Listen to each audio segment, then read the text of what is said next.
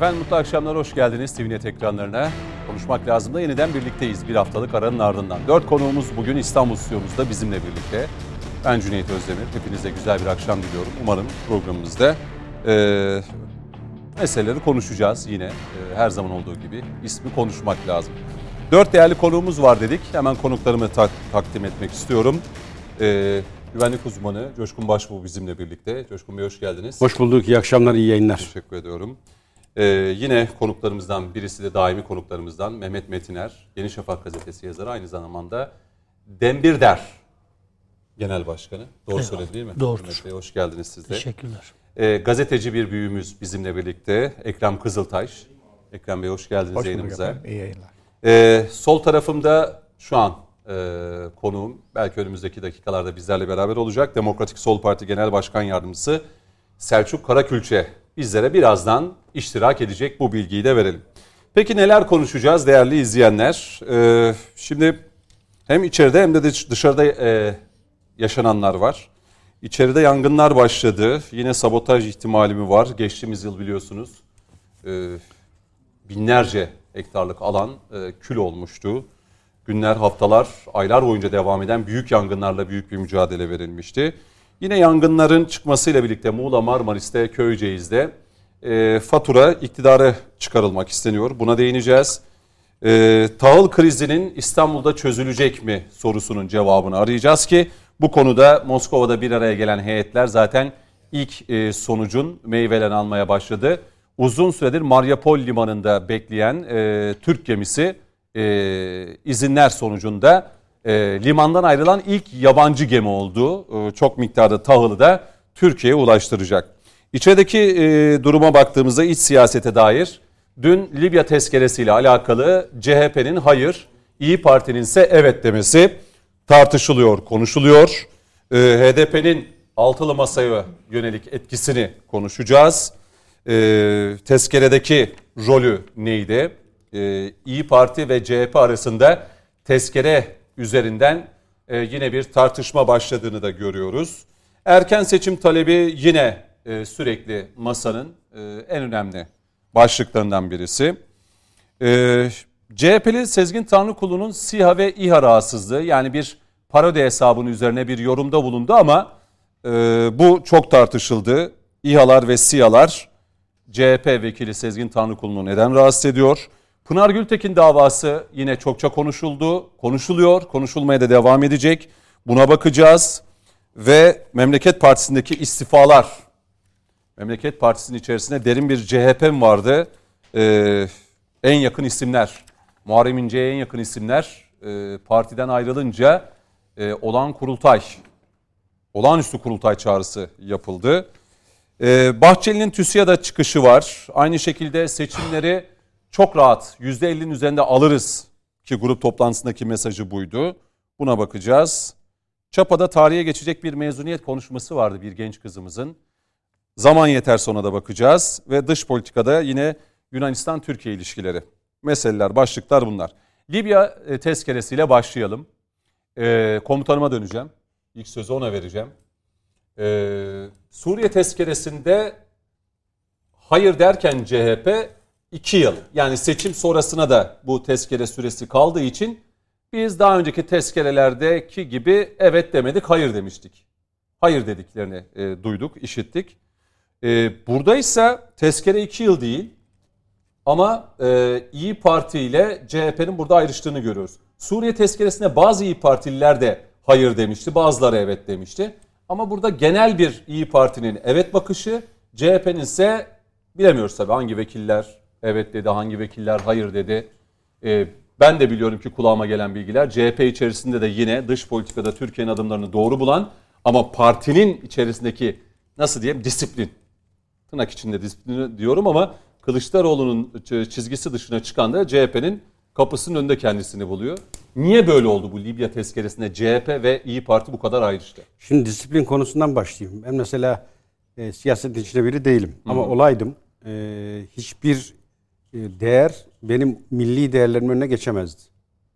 Şimdi bir parti içindesiniz. Belli bir e, birlik beraberliğiniz var. Mutabık olduğunuz konular var. Ve onun için zaten yol arkadaşısınız. E şimdi e, bu birlikte yola çıktığınız partinin içerisinde sadece Libya değil e, aslında Libya gibi örnek vereceğiniz tonla konu var.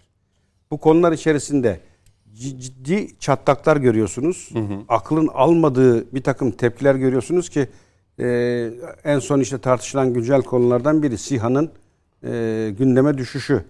Tanrı kulu denen kişinin bu meseleyle ilgili açıklamaları. Keza diğer bir takım milli konularda Cumhuriyet Halk Partisi olarak e, duruş. E, ben de hep programlarda şunu hatırlarsan dile getiririm. Hı hı. Hadi belli kürsü tetikçileri, belli isimler bunu dile getiriyor. Ancak beni şaşırtan tabandaki kesim. Hatta seçmen tabanı dahil. Ya bir kişi tutup da hesap sormaz mı ya? Kardeşim sen beni temsil eden bir lidersin. Ee, bu temsil ettiğin değerlere tam tezat teşkil edecek şekilde bir siyasi duruş sergiliyorsun. Ve bu beni yaralıyor. Bu bende ciddi endişeye sebep oluyor. Amaç nedir? Niçin böyle bir şey yapıyorsun? Bana bunu izah edemediğin takdirde biz seninle yolları ayırırız diyemiyor mu? Şimdi sevgili Mehmet abi işte e, birlikte bir dernekteyiz. Başkanımız. Hı hı. Ben niye aynı çatı altındayım? Mehmet abiye güvendiğim için, amacını bildiğim için, o gidilen yolun ne olduğunu öngördüğüm için beraberim. Yarın bugün Allah korusun hani CHP'ye bir benzetme olarak söylüyorum. Hı hı. Çok farklı bir çizgiye geldiğiniz takdirde Mehmet abiyle herhalde bir dertleşiriz. Kesinlikle. Yollarımızı ayırırız. Ha, nedir Mehmet abi bu işin sır hikmeti? Biz böyle başlamadık yola. Amaç bu değildi deriz. Ya söylüyorum. Haykırıyorum. Mustafa Kemal'in askerleri diye meydanlarda bayrak elde cirit atacaksın. Atatürk'ü bu yolda kullanacaksın. E, Mustafa Kemal'in askerine kurşun sıkanlarla omuz omuza vereceksin. Bana bunu biri izah etsin ya. Tabandaki biri izah etsin. Bırak artık tepedeki ben e, bazı görevli e, dediğim tetikçilerin niye söylediklerini biliyorum. Hı hı. Niye yaptıklarını da biliyorum. Ama tabanda tabandaki o gerçek milliyetçi, vatansever olan diye inandığım kitlelerden bir kişi çıkıp da partisine, seçim teşkilatına, ilçeye, ile hesap sormaz mı ya? Kardeşim biz bunun izahında zorlanıyoruz. Nedir amacınız? Nereye gidiyoruz demez mi ya? Şimdi Libya. Ben çok iyi hatırlıyorum. Kılıçdaroğlu'nun çıkarak ne olursa olsun asla bunu geçirmeyeceğiz dediğini. Ya dediğin benim Osmanlı'dan kalma atı toprağım. Eğer işin özüne varırsan ve orada daha Türk olan e, Kolluoğlu vardı. Şeyler var tabii. İlk Libya'daki başbakan hükümetin başbakanı ha? şey Osmanlı döneminde giden ailenin torunları. Ha. O zaman ben sorarım. Bu aidiyet Feyyaz Saraçlar. Bu aidiyet neden senin iliklerine kadar hissedilmiyor diye sorarım hesabını. Çünkü Afrika'daki gelişmeler sadece Libya olarak okumayın. Fransa niye Yunanistan'ın haberi arkasından sıvazlıyor sırtını? Afrika'daki o katlettiği kıta elinden gidiyor. Bugün Cezayir Fransa'ya kafa tutuyorsa Libya'da bizim yaptıklarımızdan dolayı tutuyor. Ya da Mali. Sen mazlumun, sen işte e, güçsüzün, fakirin yanında değil miydin? Öyle diye Atatürk'ün e, e, doktrinleri yok muydu? Onlara sahip çıktığını iddia etmiyor musun? Dolayısıyla burada Libya konusunda ben hayatta hiç affetmeyeceğim olaylardan biridir. Libya tezkeresine hayır denmesinde HDP'nin de rolü olduğu söyleniyor da HDP ne alaka diyelim? E zaten HDP'nin ulusal konularda biliyoruz biliyoruz da hani şimdi HDP'yi ben hani yedili masa hep yedili masa dedim bugüne kadar hatırlarsan hı hı. ve görünmez aktör dedim ve her partinin ense kökünde nefesini hissettirdiği bir yapı dedim. En büyük nefes en büyük yapı da CHP ile ilintili. Evet. Ee, CHP'nin o hatırlayalım her evden bir CHP'ye bir HDP'ye oy çıkacak denen, denen siyasileri hatırlayalım. Dolayısıyla zaten HDP'nin burada tutumunda farklı bir şey beklemeyin. Burada tuhaf olan o değil. Tuhaf olan Cumhuriyet Halk Partisi'nin yani Atatürk'ün o Trablus Savaşı'nda canını ortaya koyduğu topraklara karşı aldığı tavrı konuşmak lazım. Hmm. Atatürk'ün e, Libya'ya gidin 3-5 çocuktan birinin adı Kemal. Öyle etkileri vardır orada halen dükkana çarşıya girin Türk olduğunu duyarsan hesap almıyor adam yediğinde içtiğinden. Taksi hesap almıyor Türk deyince. Sen şimdi orada tam tersi iktidar eğer Libya'ya soğuk bakarsa sen önüne duracaksın. Neyin peşindesin sen? Libya orada kan ağlıyor. Atatürk'ün emaneti niye e, orada gerekeni yapmıyorsun diye hesabı sen soracaksın. Ya iktidar iliklerine kadar ve son damla kanına kadar canhıraş bir mücadele veriyor. Biz Amerika'dan beklerken kurşunu CHP'den geliyor. Biz Fransa'dan beklerken darbeyi CHP'den geliyor. Ve CHP'nin bir kara lekesidir bu. Hatırlayalım. Ne olursa olsun diyor asla o oy geçmeyecek. O tezkere geçmeyecek meclisten dedi. Cumhuriyet Halk Partisi. Allah'tan e, iktidar hakim ki o kanun geçti ve şu an biz Libya'da bütün dünyanın konuştuğu denklemi kurduk. Milliyetçi Hareket Partisi'nin hatırlayın tavrını. Bu bir ihanettir diye çok net bir çizgisi vardı Sayın Bahçeli'nin ve yerden göğe de haklı. Yani bunu öyle basit bir siyasetle geçiştiremezsin. Bunu basit bir ağızdan çıkan gaf diye okuyamazsın. Bu kasıtlı, bilinçli ve devletin dibine dinamit koyacak şekilde dış güdüm ağzıyla konuşulmuş bir laftır. O reflekse de ortaya çıkan bir güdümdür. Dolayısıyla ben şaşırmadım Cumhuriyet Halk Partisi'nin. Ha niye Hayır İyi. Parti ile ayrıştı? Evet. Şimdi İyi Parti bir seçmen kitle var altta ve açıklamakta zorlandığı onlarca gafı var, hatası var. E şimdi böyle bir kritik konuda artık siz hayır oyunu kullandığınız takdirde kendi piminizi çekmiş olursunuz. Çok özür dilerim. Sayın Metiner, mecliste bu tür tezkerelerde grup kararları alınabiliyor mu yoksa milletvekili Yok. kendi özgür iradesiyle mi? Ya öz- Oylamadan. özgür- Elektronik oylama değil mi anında? Özgür irade diye bir şey yoktur da ama e, ya onu grup söyleyelim gene. Özgür iradeleri vardır. Az buçuk da olsa yok mu milletvekilinin bana özgür iradesi? sordunuz ben cevabını verdim ama beğenmeyeceksen cevap vermeyeyim yani. Hayır ben de milletvekili yaptınız da azıcık da olsa bir özgür irade vardır herhalde. Ya çok fazla özgür irade var. Bu konuda grup karar alır ama deklare etmez. He, deklare etmez. Yani parti parti nasıl karar almaz? Yani CHP mesela kendi içinde grup Yani karar parti- ilan edemezsiniz. Bu bizim partimizin grup kararıdır diye. E, Cumhurbaşkanlığı tezkereyi göndermiş. Bu AK Parti ile MHP'nin zaten ortak Evet, tezkeresi. Yani evet. hükümetin tezkeresi Cumhur İttifakı'nın tezkeresidir. Burada grup kararına gerek yok. Bazı konularda grup kararı alamazsınız. Alırsınız da almazsınız. Herkes bilir. Ama herkes gider Tekrar özgür et. Hükümet iradesiyle. tezkere getirdikten sonra, tezkere geçtikten sonra hükümetin değil, meclisin tezkeresi oluyor ama. E tabii canım. değil mi? Tabii, tabii. Türkiye Cumhuriyeti Tabii canım yani meclis onayladıktan sonra zaten e, bütün kararlar mecliste onaylanmak Hmm. mecburiyetinde. Niye oylanıyor işte? Oylamadan Hükümetin sonra- tezkeresi. Burada şöyle düşünelim. Allah muhafaza bu 6 artı 1 koalisyon iktidarda olmuş olsaydı Evet. veya bak iktidarda olmuş olsaydı zaten bu tezkere meclise gelmezdi. Gelseydi çünkü iki ittifak e, üyesi parti arasında derin çatlaklar yaşanacaktı. Demek çatlak yaşanmaması için bu mezkere te, e, me- tezkere meclise gelmeyecekti, gelemeyecekti. Veyahut da şöyle düşünelim. Bazı arkadaşlarımız alttan alta artık bunu söylemeye başladılar. Ben şahsen çok rahatsız oluyorum. Yani Cumhurbaşkanı seçilsin, meclisin bir önemi yok. Meclisin çok önemi var. Aman AK Parti'yi cezalandıralım diyen bazı AK Partili arkadaşlarımız var. Bu kibir, bu kibir budalalar artık canımızı sıkmaya başladı. Biraz ceza verelim diye. Cumhurbaşkanı seçilsin de meclisin bir önemi yok diye. Sakın ha. Sakın ha. Evet. Diyelim ki Cumhurbaşkanımız seçildi. Meclis çoğunluğu Cumhur İttifakı'nda değil. Hükümet tezkereyi gönderdi. Reddedildi. Ne olacak? Ve de Cumhurbaşkanımız bir kararname çıkarttı. O, o anki kanunlara aykırı değil. Zaten hiçbir kararname kanunlara aykırı olamaz. Ama hükümetin tezkeresi olduğu için, Cumhurbaşkanımızın tezkeresi olduğu için, şey e, kararnamesi olduğu için mecliste çoğunluk eğer 6 artı 1 ittifakındaysa toplanırlar hemen yeni bir kanun çıkartırlar, kararname iptal ederler. Tekrar bir kararname, tekrar bir kanun iptali bu siyasal sistemi paralize eder. Onun için e, bence Cumhurbaşkanı seçilecekse o onu seçen bloğun da mecliste e, oy çoğunluğu çok önemli. Aksi takdirde bakınız işte bugün mecliste bu tezkere geçmemiş olsaydı, Suriye tezkeresi geçmemiş olsaydı Allah muhafaza Türkiye bugün bambaşka bir Türkiye olacaktı.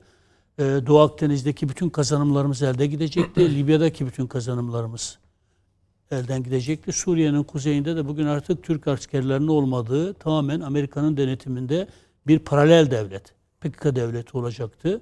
Bir de zaten Irak'ın kuzeyini düşürmeye çalışıyorlar Kürdistan bölgesel yönetimi üzerinden. Çünkü orada İran'ın İran'la PKK'nın işbirliğiyle Erbil hükümeti devrilmek isteniyor. Bu çok bunu birçok insan görmüyor. Türkiye'nin e, Erbil hükümetiyle bu kadar çok stratejik derin ilişkiler geliştirmesinin altındaki önemi görmüyorlar. Tarihsel Türk-Kürt kardeşliğini günümüze taşımanın elbette ki büyük bir önemi var ama aynı zamanda şunun önemi var. Eğer İran Erbil hükümetini de nüfuzu altına almış olursa var ya o Şii blok dediğimiz çünkü mezhepçi sayıklarla hareket ediyorlar ne yazık ki. PKK'nın tepe noktasının da nasıl oluştuğunu herkes bilir. Hiç anlatmamıza gerek yok. Ee, yeterince düşmanlıklar üzerimizde var zaten. Şu an İran Haçlı Şabileriyle e, Türkmen Şiiler de dahil buna. Sünni Türkmenler ayrı. Türkmenlerin Kahire ekseriyeti de Şiidirler. Onlar da tamamen mezhebi hassasiyetlerle hareket ediyorlar.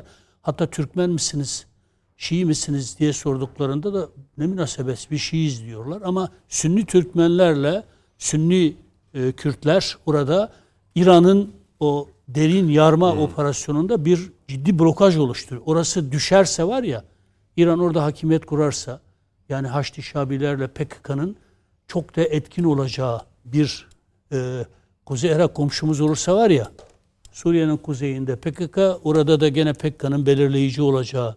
Bir de mecliste Cumhur İttifakı olmazsa tezkerede geçmez zaten. Sen ondan sonra Türkiye'nin içini bile tutamazsın. Onun için Bu önümüzdeki tezkereler 2023 seçimleri alelade seçimler değil. Şu an Kuzey Irak cephesi Türkiye için, Türkiye'nin stratejik bütünlüğü için çok önemli bir cephedir.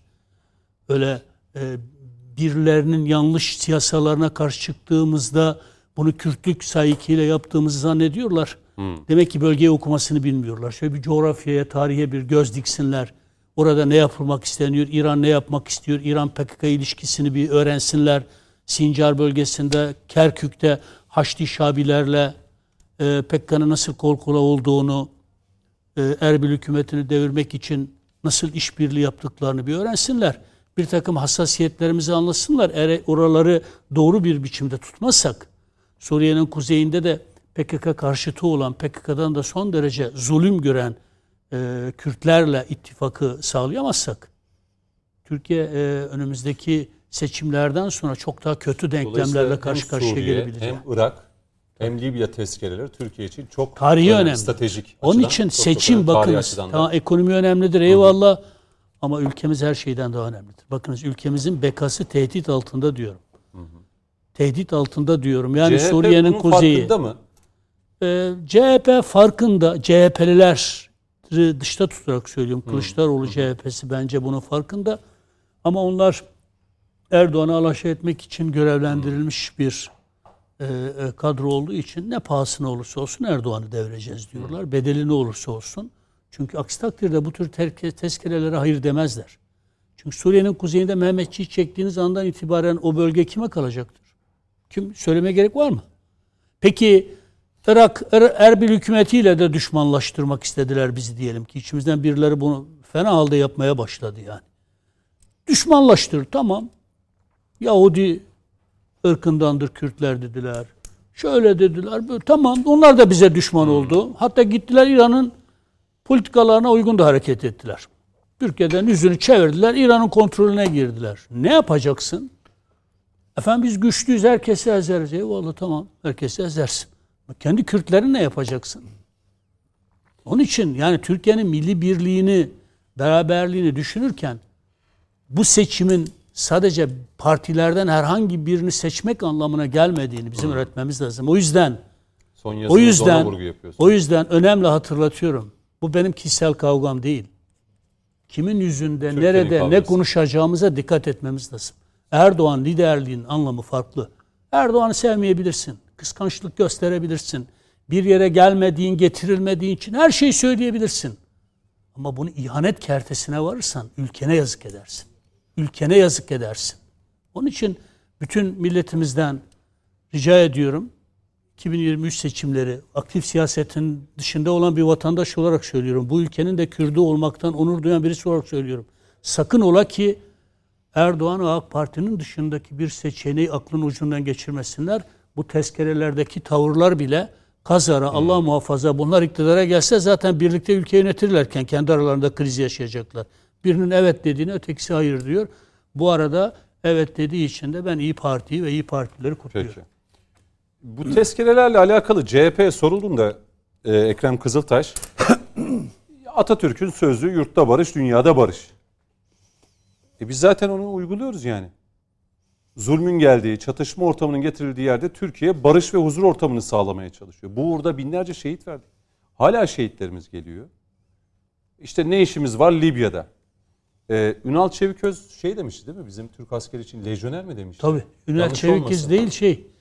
E, Birisi başka dedi, birisi lejyoner demişti. dedi, lejyoner E, dedi. CHP Grup Başkan Vekili sanıyorum. E, Lejyoner dedi birisi. Lejyoner, evet, evet, tabii, tabii. Ünal Şey- Çeviköz müydü? yok yok Engin Özkoç mu? Altay. Engin, Altay, mı? Evet.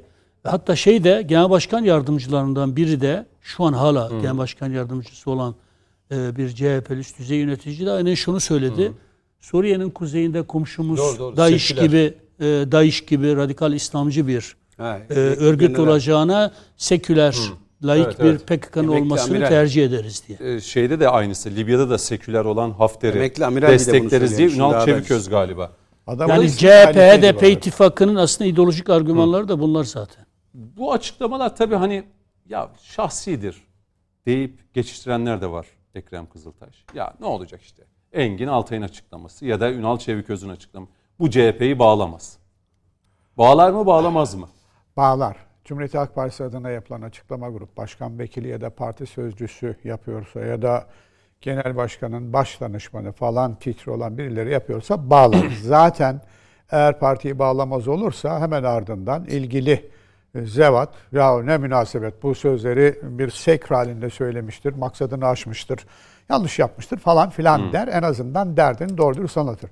Buradaki bence temel problem birilerinin dostlarımız olarak kabul ettikleri ve kendilerini kendileri vasıtasıyla Türkiye'de iktidara gelebileceklerini umdukları bir takım çevreleri memnun etmek. Onların arzularını yerine getirmek.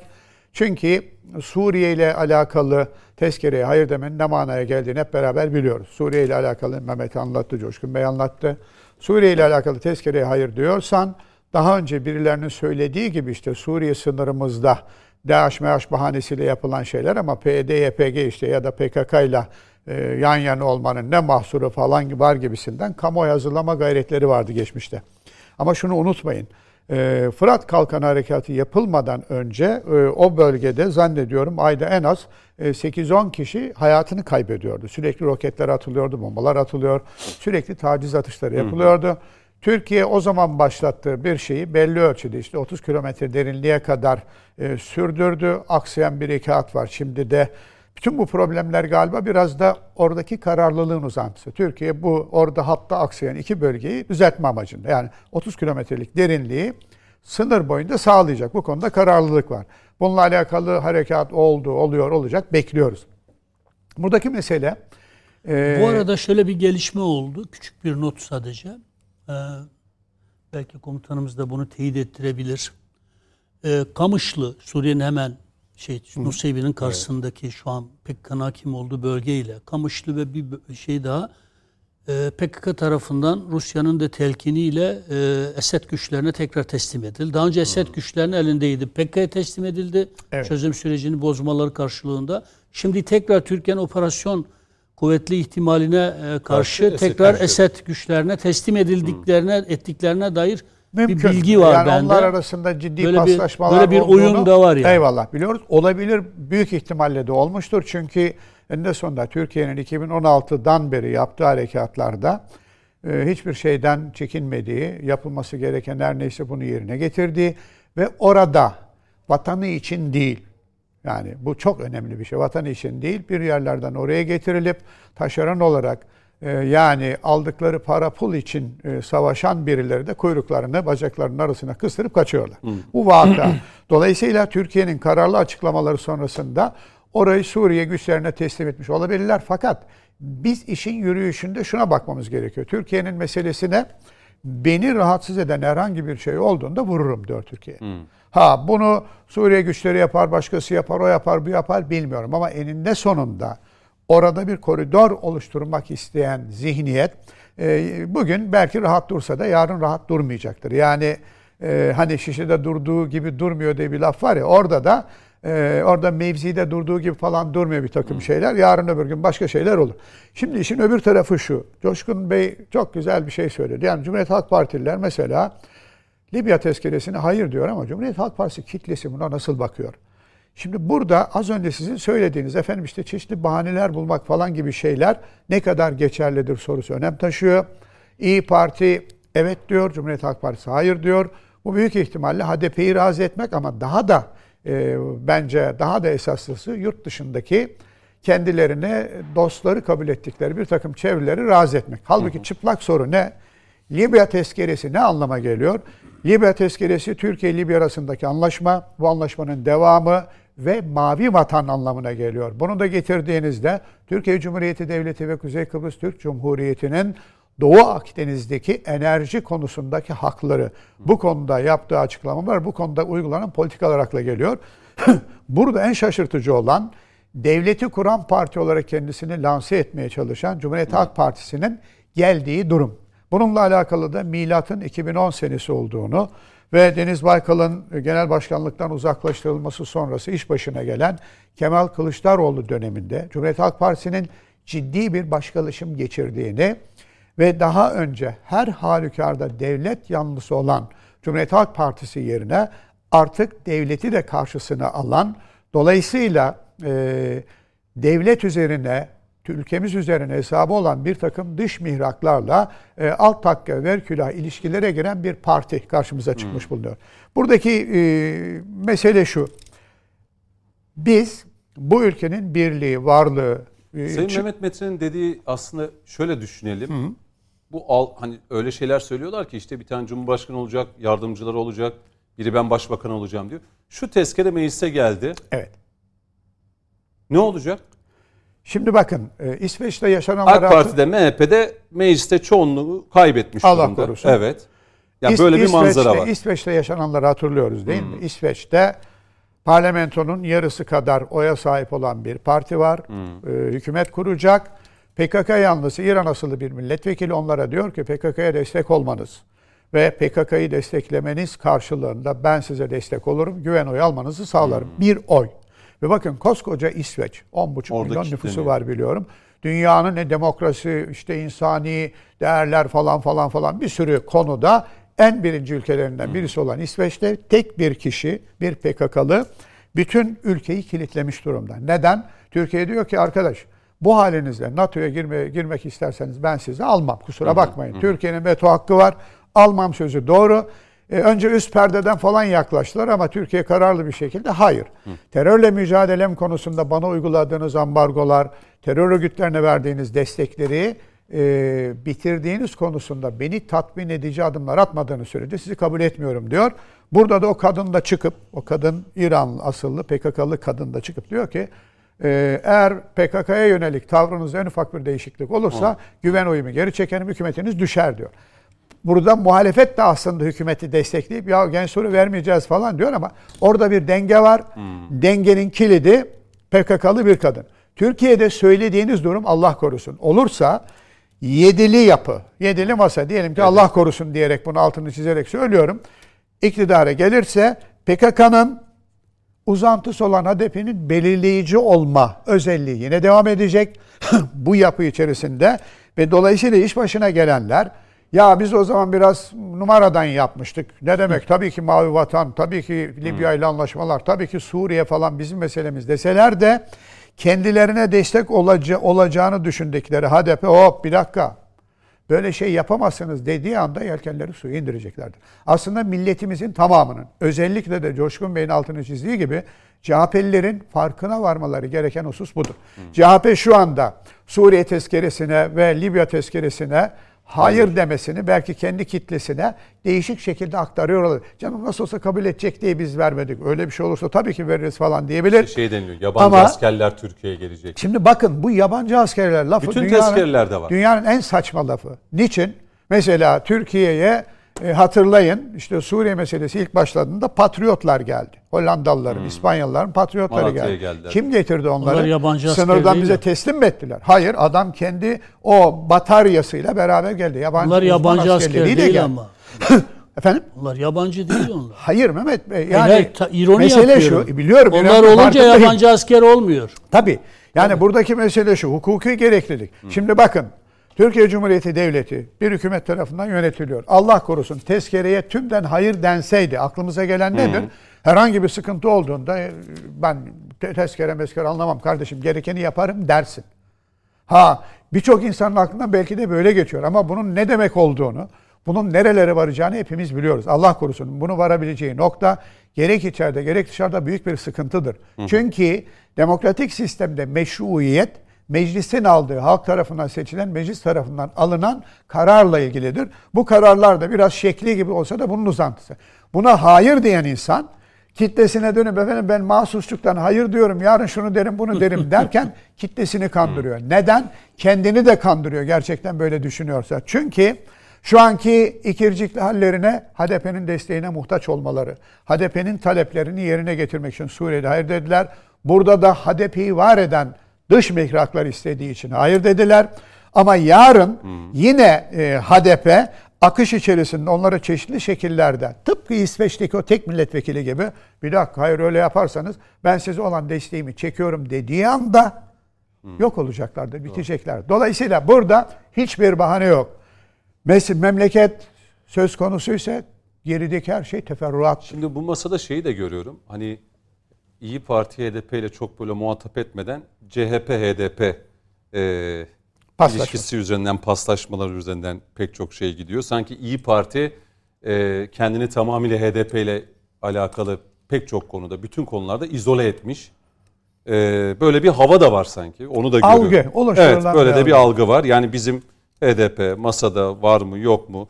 Yani İyi Parti ve HDP yok yan yana ama CHP ve HDP'yi ağırlıklı olarak belki İyi Parti'nin de kafasında yatan şey bu olabilir. Yani ikinci parti olma, muhalefeti CHP'nin elinden alma adına. Şimdi Çünkü burada, Sayın burada Akşener'le aslında e, Kılıçdaroğlu arasında müthiş bir şey de var. Nasıl burada diyeyim stratejik bir savaş da var. Cüneyt Bey burada soruyu Hadi bitirin şöyle. uzatmanız gerekiyor.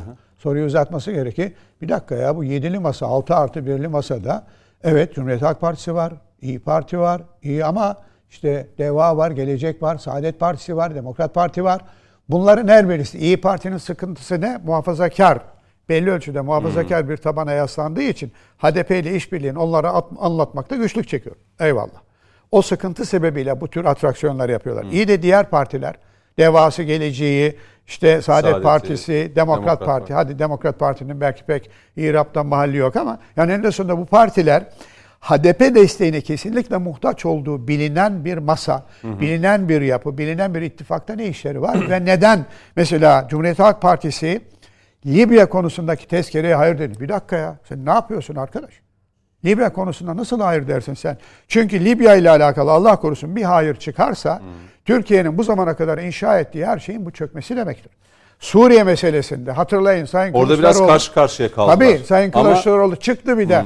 Bu işte Cumhuriyete ihanettir falan gibi Tabii, tabii. dünyanın en saçma sapan Vatana ihanettir söyledi. dedi. Tabii canım. Peki. Şimdi e, komutanım hazır böyle dış dışarıdan başladık. E, Yunan medyası sizi konuşuyor. Ne oldu? Meslektaşlarınız da sizi konuşuyor. TVNet'i konuşuyor esas. Biz de konuşuyor. Artık İpsala'dan Yunan tarafına geçerken Coşkun Başbuğ ve Cüneyt Özdemir direkt deportu yiyecek galiba. o tarihten itibaren. Şerefli, şerefli. Belki yönetmenimden isteyeceğim yani Coşkun birkaç hafta öncesinde yaptığımız açıklamalar vardı sizin özellikle Miçotakis ve Yunanistan'ın tavırlarıyla alakalı. İzleyenleri hatırlatalım. Ee, gene bu stüdyoda bu program. Gene birlikteydik. Ee, Mehmet abi şahittir ama Ekrem abi ilk defa duyacak. Ee, şöyle başlamıştı benim konuşma. Şimdi ben e, lafınızı unutmayın fotoğrafı da verdim. Siz yavaş yavaş şu haritanın da ve görsellerin yanına alalım Coşkun Bey lütfen. Şu geçelim, borunuza- şu- Ama şu an hemen. Şu, şu- an görüntüde varken oradan Öyle devam mi? etmenizi isteyeceğim. Şu sözü söylemiştik hatırlarsan. Ee, Miçotakis'e atfen. Orada Evet. var zaten. Burada zaten yazıyor. Yo, yo, Yunanistan yeni PKK, Evet, Türk analist. Yeni Zelenski. şö- Türk şö- analistin yorumu evet. aslında şöyle başlamış hikaye. Dedim Ege'de e, hani oralar konuşuluyor ya. Balıkçı kayıkları bildiğin basit balıkçı kayığında ilk rütbesiz ilk giren Miço'dur. Evet. Ondan sonra e, ayak işlerine bakar. Mehmet Metiner'de bizde de çok miçolar var demişti. Mehmet abi de öyle bir çıkış yapmıştı. Miçotakis denilen dedim. Miço yapmayacağınız kişiye ülkeyi dedim teslim ederseniz işte Yunanistan'ın Ama ben başına- o gün demiştim şey e, manşetlik dedim cümleler sarf ediyorsunuz dedim Coşkun Başbu. O zaten manşet oldu. Şimdi hani bu Yunanistan ve Türkiye arasındaki ilişkilere baktığımızda adeta bir e, savaş çığırtkanlığı çıkarmaya çalışan Amerika'yı görüyoruz. Yunanistan'ın da bundan az kalır yanı yok. Şimdi adalar belli e, Coşkun Başbu. Bu son olarak e, Bodrum'a 5-6 kilometre uzaklıktaki Keçi Adası'ndaki görüntüler. E, şimdi gö- görüntüler üzerinde bu görüntülerde bunlar askeri yapı gibi. Şimdi bakın Keşadası bu.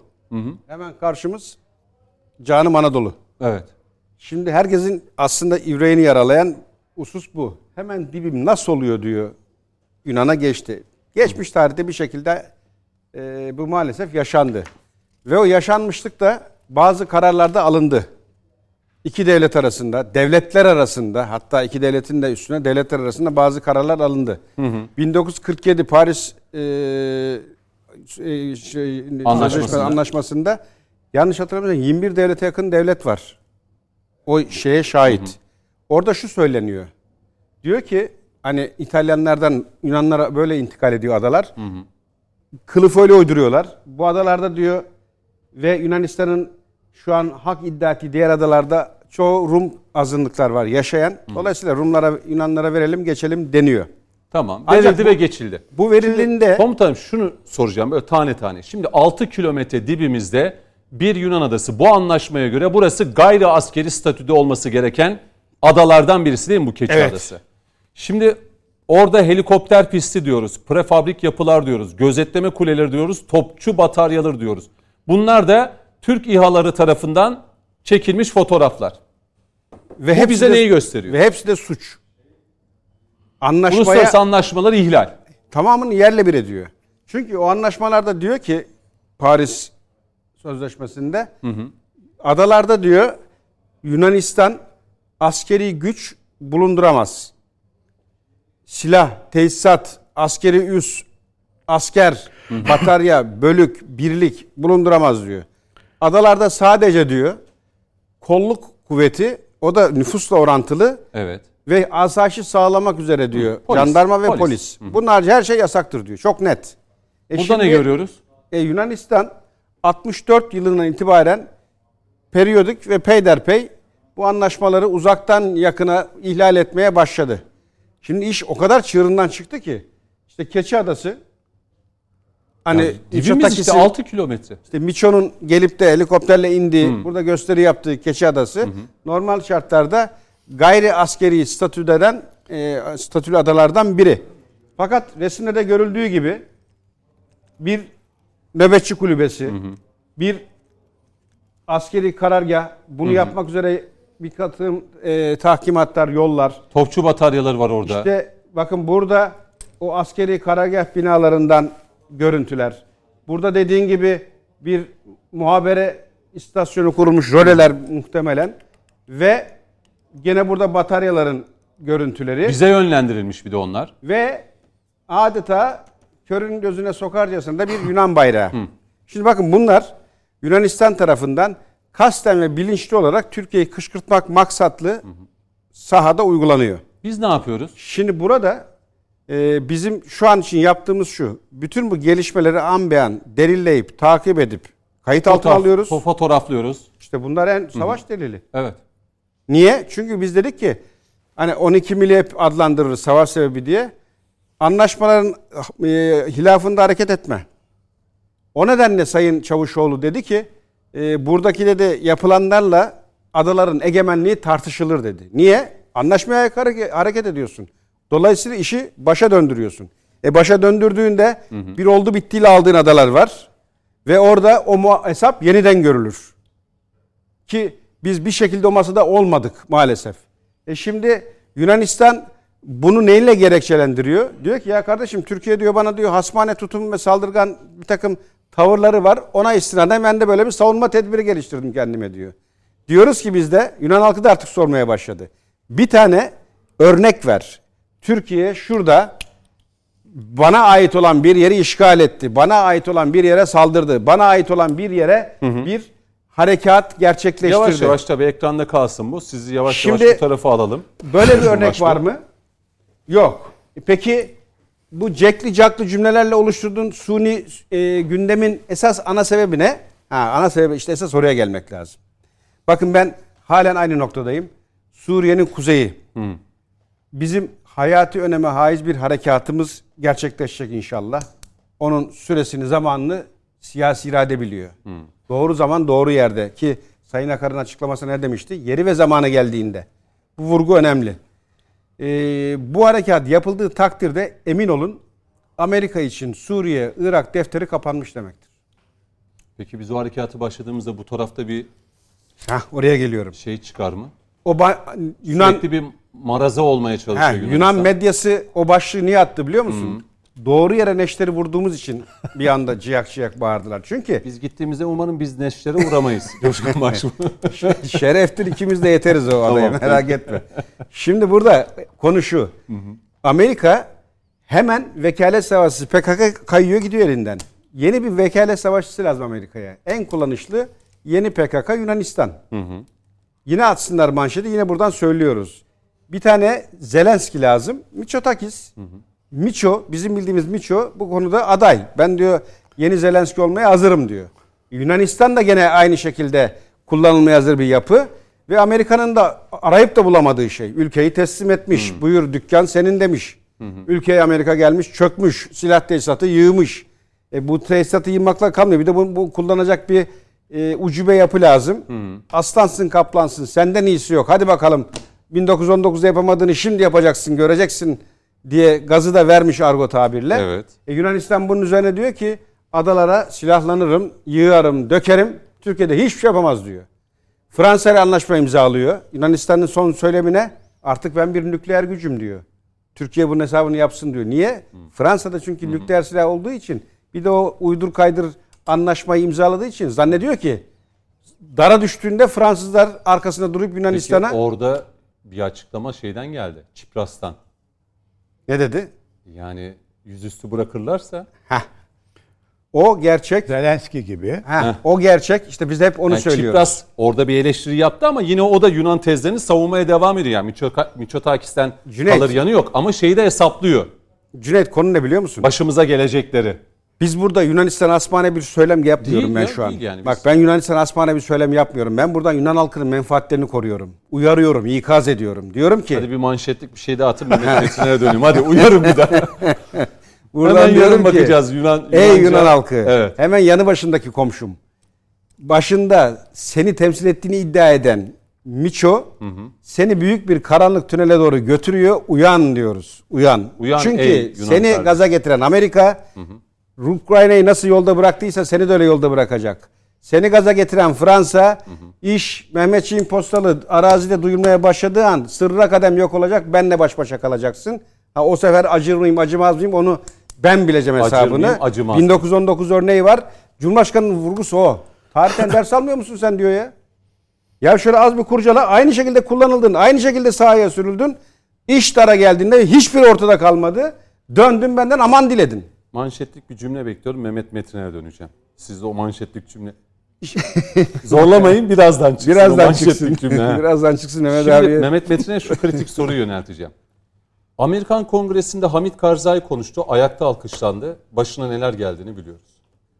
Venezuela'da Guaido kongrede konuştu. Ayakta alkışlandı. Başına neler geldi biliyoruz. Zelenski konuştu. Dakikalarca ayakta alkışlandı. 3 4. aya giriyoruz. Ukrayna %20-25 toprakları gitti. O zaman Mehmet abi sözü almadan şunu- Zel dur sor, de- bitireyim öyle. Miçotakis dakikalarca ayakta alkışlandı. Miçotakis'in sonunu nasıl görüyorsunuz?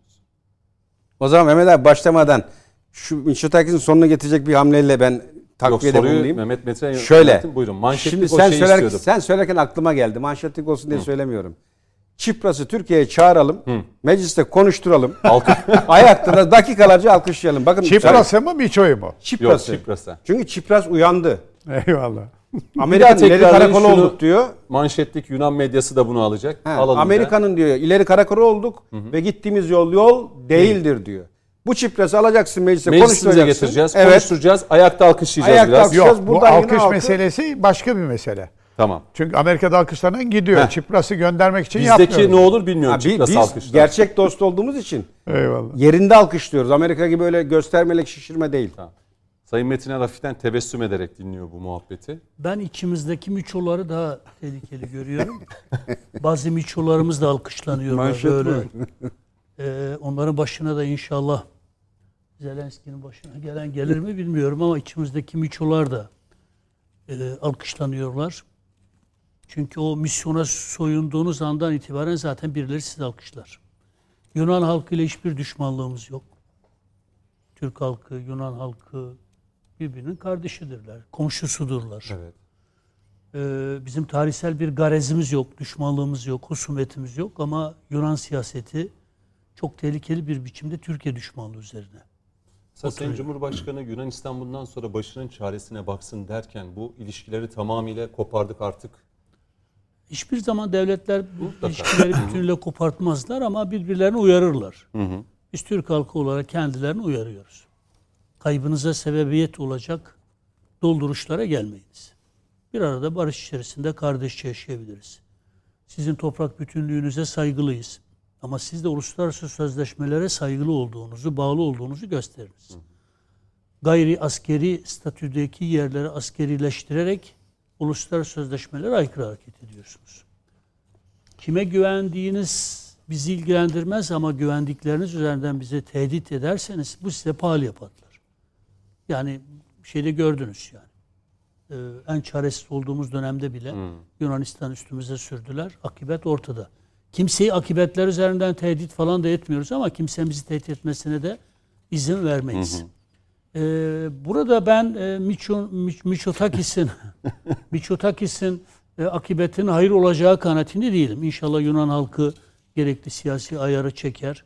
İşte Bodrum'un yanı başındaki bu yerde bu askeri e, üssün ne anlamı var? 5 kilometre dibimizde. Ne anlamı var? Yani bu apaçık savaş tarihçiliği. Ama biz bu savaş tarihçiliğine gelebilecek kadar küçük bir ülke değiliz. Ama topraklarımıza göz dikildiğinde de e, sessiz kalacak bir ülke değiliz. Türkiye'nin sabrını zorlamasınlar. Bir de şeyi söyleyeceğim ben esas. Buyurun. Şimdi Fransa NATO üyesi değil mi? Evet. Yunanistan NATO üyesi Evet. değil mi? Türkiye NATO üyesi değil mi? Doğru. Nasıl NATO üyesi iki ülke Türkiye'ye karşı askeri bir ittifak yapabiliyorlar? Bir başka NATO üyesi ülke hakkında askeri bir ittifak Komutan yapabiliyorlar. burada. Komutan her şeyi bilir de ben bilmediğim için soruları sorayım o cevap versin. Estağfurullah. Yani NATO üye ülkelere dışarıdan bir tehdit geldiğinde bir güvenlik Tabii. örgütü. Hepimiz birimiz, birimiz hepimiz Peki için. burada bu. ikimiz birimiz, birisi de bizim düşmanımız anlaşması NATO'nun hangi felsefesiyle bağdaşıyor? Onun için ben Birleşmiş Milletler'in de NATO'nun da e, bu yeni uluslararası sistem içerisinde yerinin olmaması gerektiğine inananlardanım. Peki Sayın Metin, Yani Varşova Paktı yoksa, Soğuk Savaş dönemi bitmişse NATO kendisini lağvetmelidir. Birleşmiş Milletler bünyesinde ama Birleşmiş Milletler'in de demokratik bir temsil mekanizmasına kavuştuktan sonra Birleşmiş Milletler bünyesinde askeri bir gücün dünya barışına katkı sağlayacak bir gücün oluşturulmasından yanayız. Bunun içinde Rusya'da olmalı, Çin'de olmalı. Yani Birleşmiş Milletler'e üye olan bütün ülkelerin e, dünya barışına katkı sağlayacağı BM bünyesinde bir askeri gücün paktın olmasında yarar var. Ama Birleşmiş Milletler'in de Sayın Cumhurbaşkanımızın işaret ettiği gibi demokratik bir temsil sistemine mutlaka kavuşturulması gerekiyor. Aksi takdirde beş tane devletin bütün bir dünyanın iradesini bağlayıcı e, olması demokratik temsille bağdaşmaz. Onun için ben NATO'nun zaten kendi varlık nedenini yitirdiği kanaatindeyim. Ama işte bu Rusya tehdidi üzerinden e, şeyden dolayı tekrar Avrupa'yı da konsolide etti. Bu arada da bol bol silah satıyorlar. Yani Rusya tehdidi, Çin tehdidi bahanesiyle bütün ülkeler silahlanmaya başladılar. Doğru. Almanya bile bütçesinin önemli bir kısmını silahlanmaya ayırdı. Kim bu silah satıcıları? Yani süre giden savaşın e, kazananları kimler? Kim, yani kim bu savaşı çıkartıyorsa silahları da ülkelerine satarak kazanç sağlıyorlar. Yoksa efendim şeydeki Zelenski'nin ülkesinin Ukrayna. Ukrayna'nın yiğit evlatlarının ölmesinin onlar için ne önemi var ki yani? Hani şey edebiyatı yaparlar. Yani yeşil gözlü mü? Sarı saçlı Sarı yeşil saçlı, gözlü. Onun edebiyatını yaparlar da. Ama onların kanının bir önemi yok ki. Ama bir tek Amerikan askerinin çok büyük önemi var. Onun için Suriye'nin kuzeyinde de kendi askerlerini cepheye sürmüyorlar. Niye? PYD'yi, PKK'yı. E, Diyarbakır'da, Mardin'de, Ağrı'da yoksul Kürt çocukları var yani 12, 13, Irak'ta, 14 yaşında Suriye'deki. kaçırtırsınız, götürürsünüz, eline silah verirsiniz. Burada Amerikan çıkarlarına uygun lejyonerler haline getirirsiniz. Ve birileri de buna Kürtlük mücadelesi der. Şimdi Amerika böyle çalışıyor. Eline silah veriyor, cebine parayı koyuyor, kendi çıkarları için herkesi vuruşturuyor. Yani orada Zelenski var, Suriye'nin kuzeyinde başka Zelenskiler var. Ee, işte Yunanistan'da da Mitro. sevgili e, kardeşim dediği gibi miçolar var ama bir de bizim içimizdeki miçolar var. Oraya bizim içimizdeki miçolar derken de sadece Türkiye'nin içindeki miçoları demiyorum. Bizim içimizdeki miçoları da doğru anlamamız lazım. Çünkü her seferinde yani miçonun ağzı başka bir düşmanlık. Bizim içimizdeki miçoların ağzı da başka bir düşmanlık. Çünkü istedikleri şey ne? Erdoğan bir an önce gitsin. Türkiye'nin başından gitsin. Şimdi Miço başka türlü düşmanlığını sergiliyor. İçimizdeki Miçolar da başka türlü düşmanlığını sergiliyor. Hepsinin ortak buluştuğu yer neresi? Erdoğan karşıtlığı, Erdoğan düşmanlığı. Kimisi bazen Soret Halk'tan görünerek bunu yapıyor. Kimisi de işte Miço gibi akılsızca yapıyor. Bir 7 dakika Ama bence vereceğim. Suret Halk'tan görünüp yapanlar çok daha tehlikeli. Tamam bir 7 dakika araya gideceğim ilk ara. Çünkü Selçuk Bey de Selçuk Karakülçe de şu anda e, geldi. Bir araya gidelim. 7 dakika dönüşte Demokratik Sol Parti Genel Başkan Yardımcısı Selçuk Karakülçe de aramıza katılacak ve konuşmak lazıma devam edeceğiz.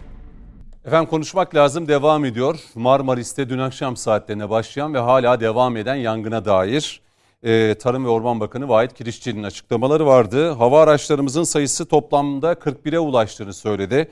27 helikopter ve 14 uçakla alevlere müdahale edildiğinden bahsetti. Rüzgar ve sıcaklıktaki artış yangını e, gün içerisinde ve akşam saatlerine doğru yeniden alevlendirdiğine de e, değindi ve 2600 personel şu anda yangının çıktığı bölgede görev yapıyor. Ee, yangını kontrol al- altına almak için de şunu söyledi bakan. Henüz kontrol altına alınmadı. Yarın kontrol altına almak için de sabah erken yani günün aydınlanmasıyla birlikte çalışmalar başlayacak. 10 gece görüş helikopterinin 4 Temmuz'da envantere gireceğini de söyledi. Şimdi e, aramıza konuşmak lazımdı. Aramıza Demokratik Sol Parti Genel Başkan Yardımcısı Selçuk Karakülçe de geldi ayağının tozuyla. Malum İstanbul trafiği pek çok sebepten dolayı hoş geldiniz Selçuk Bey. Hoş bulduk. İzmir'den ayağınızın tozuyla geldiniz ki geçtiğimiz yıl yangınlar İzmir'in de pek çok ilçesini e, etkilemişti. Doğru. Gerçi Bir- Antalya ve Muğla kadar Yok e, bir önceki yıl İzmir'de mi? çok İzmir daha şiddetli yangınlar doğru. olmuştu.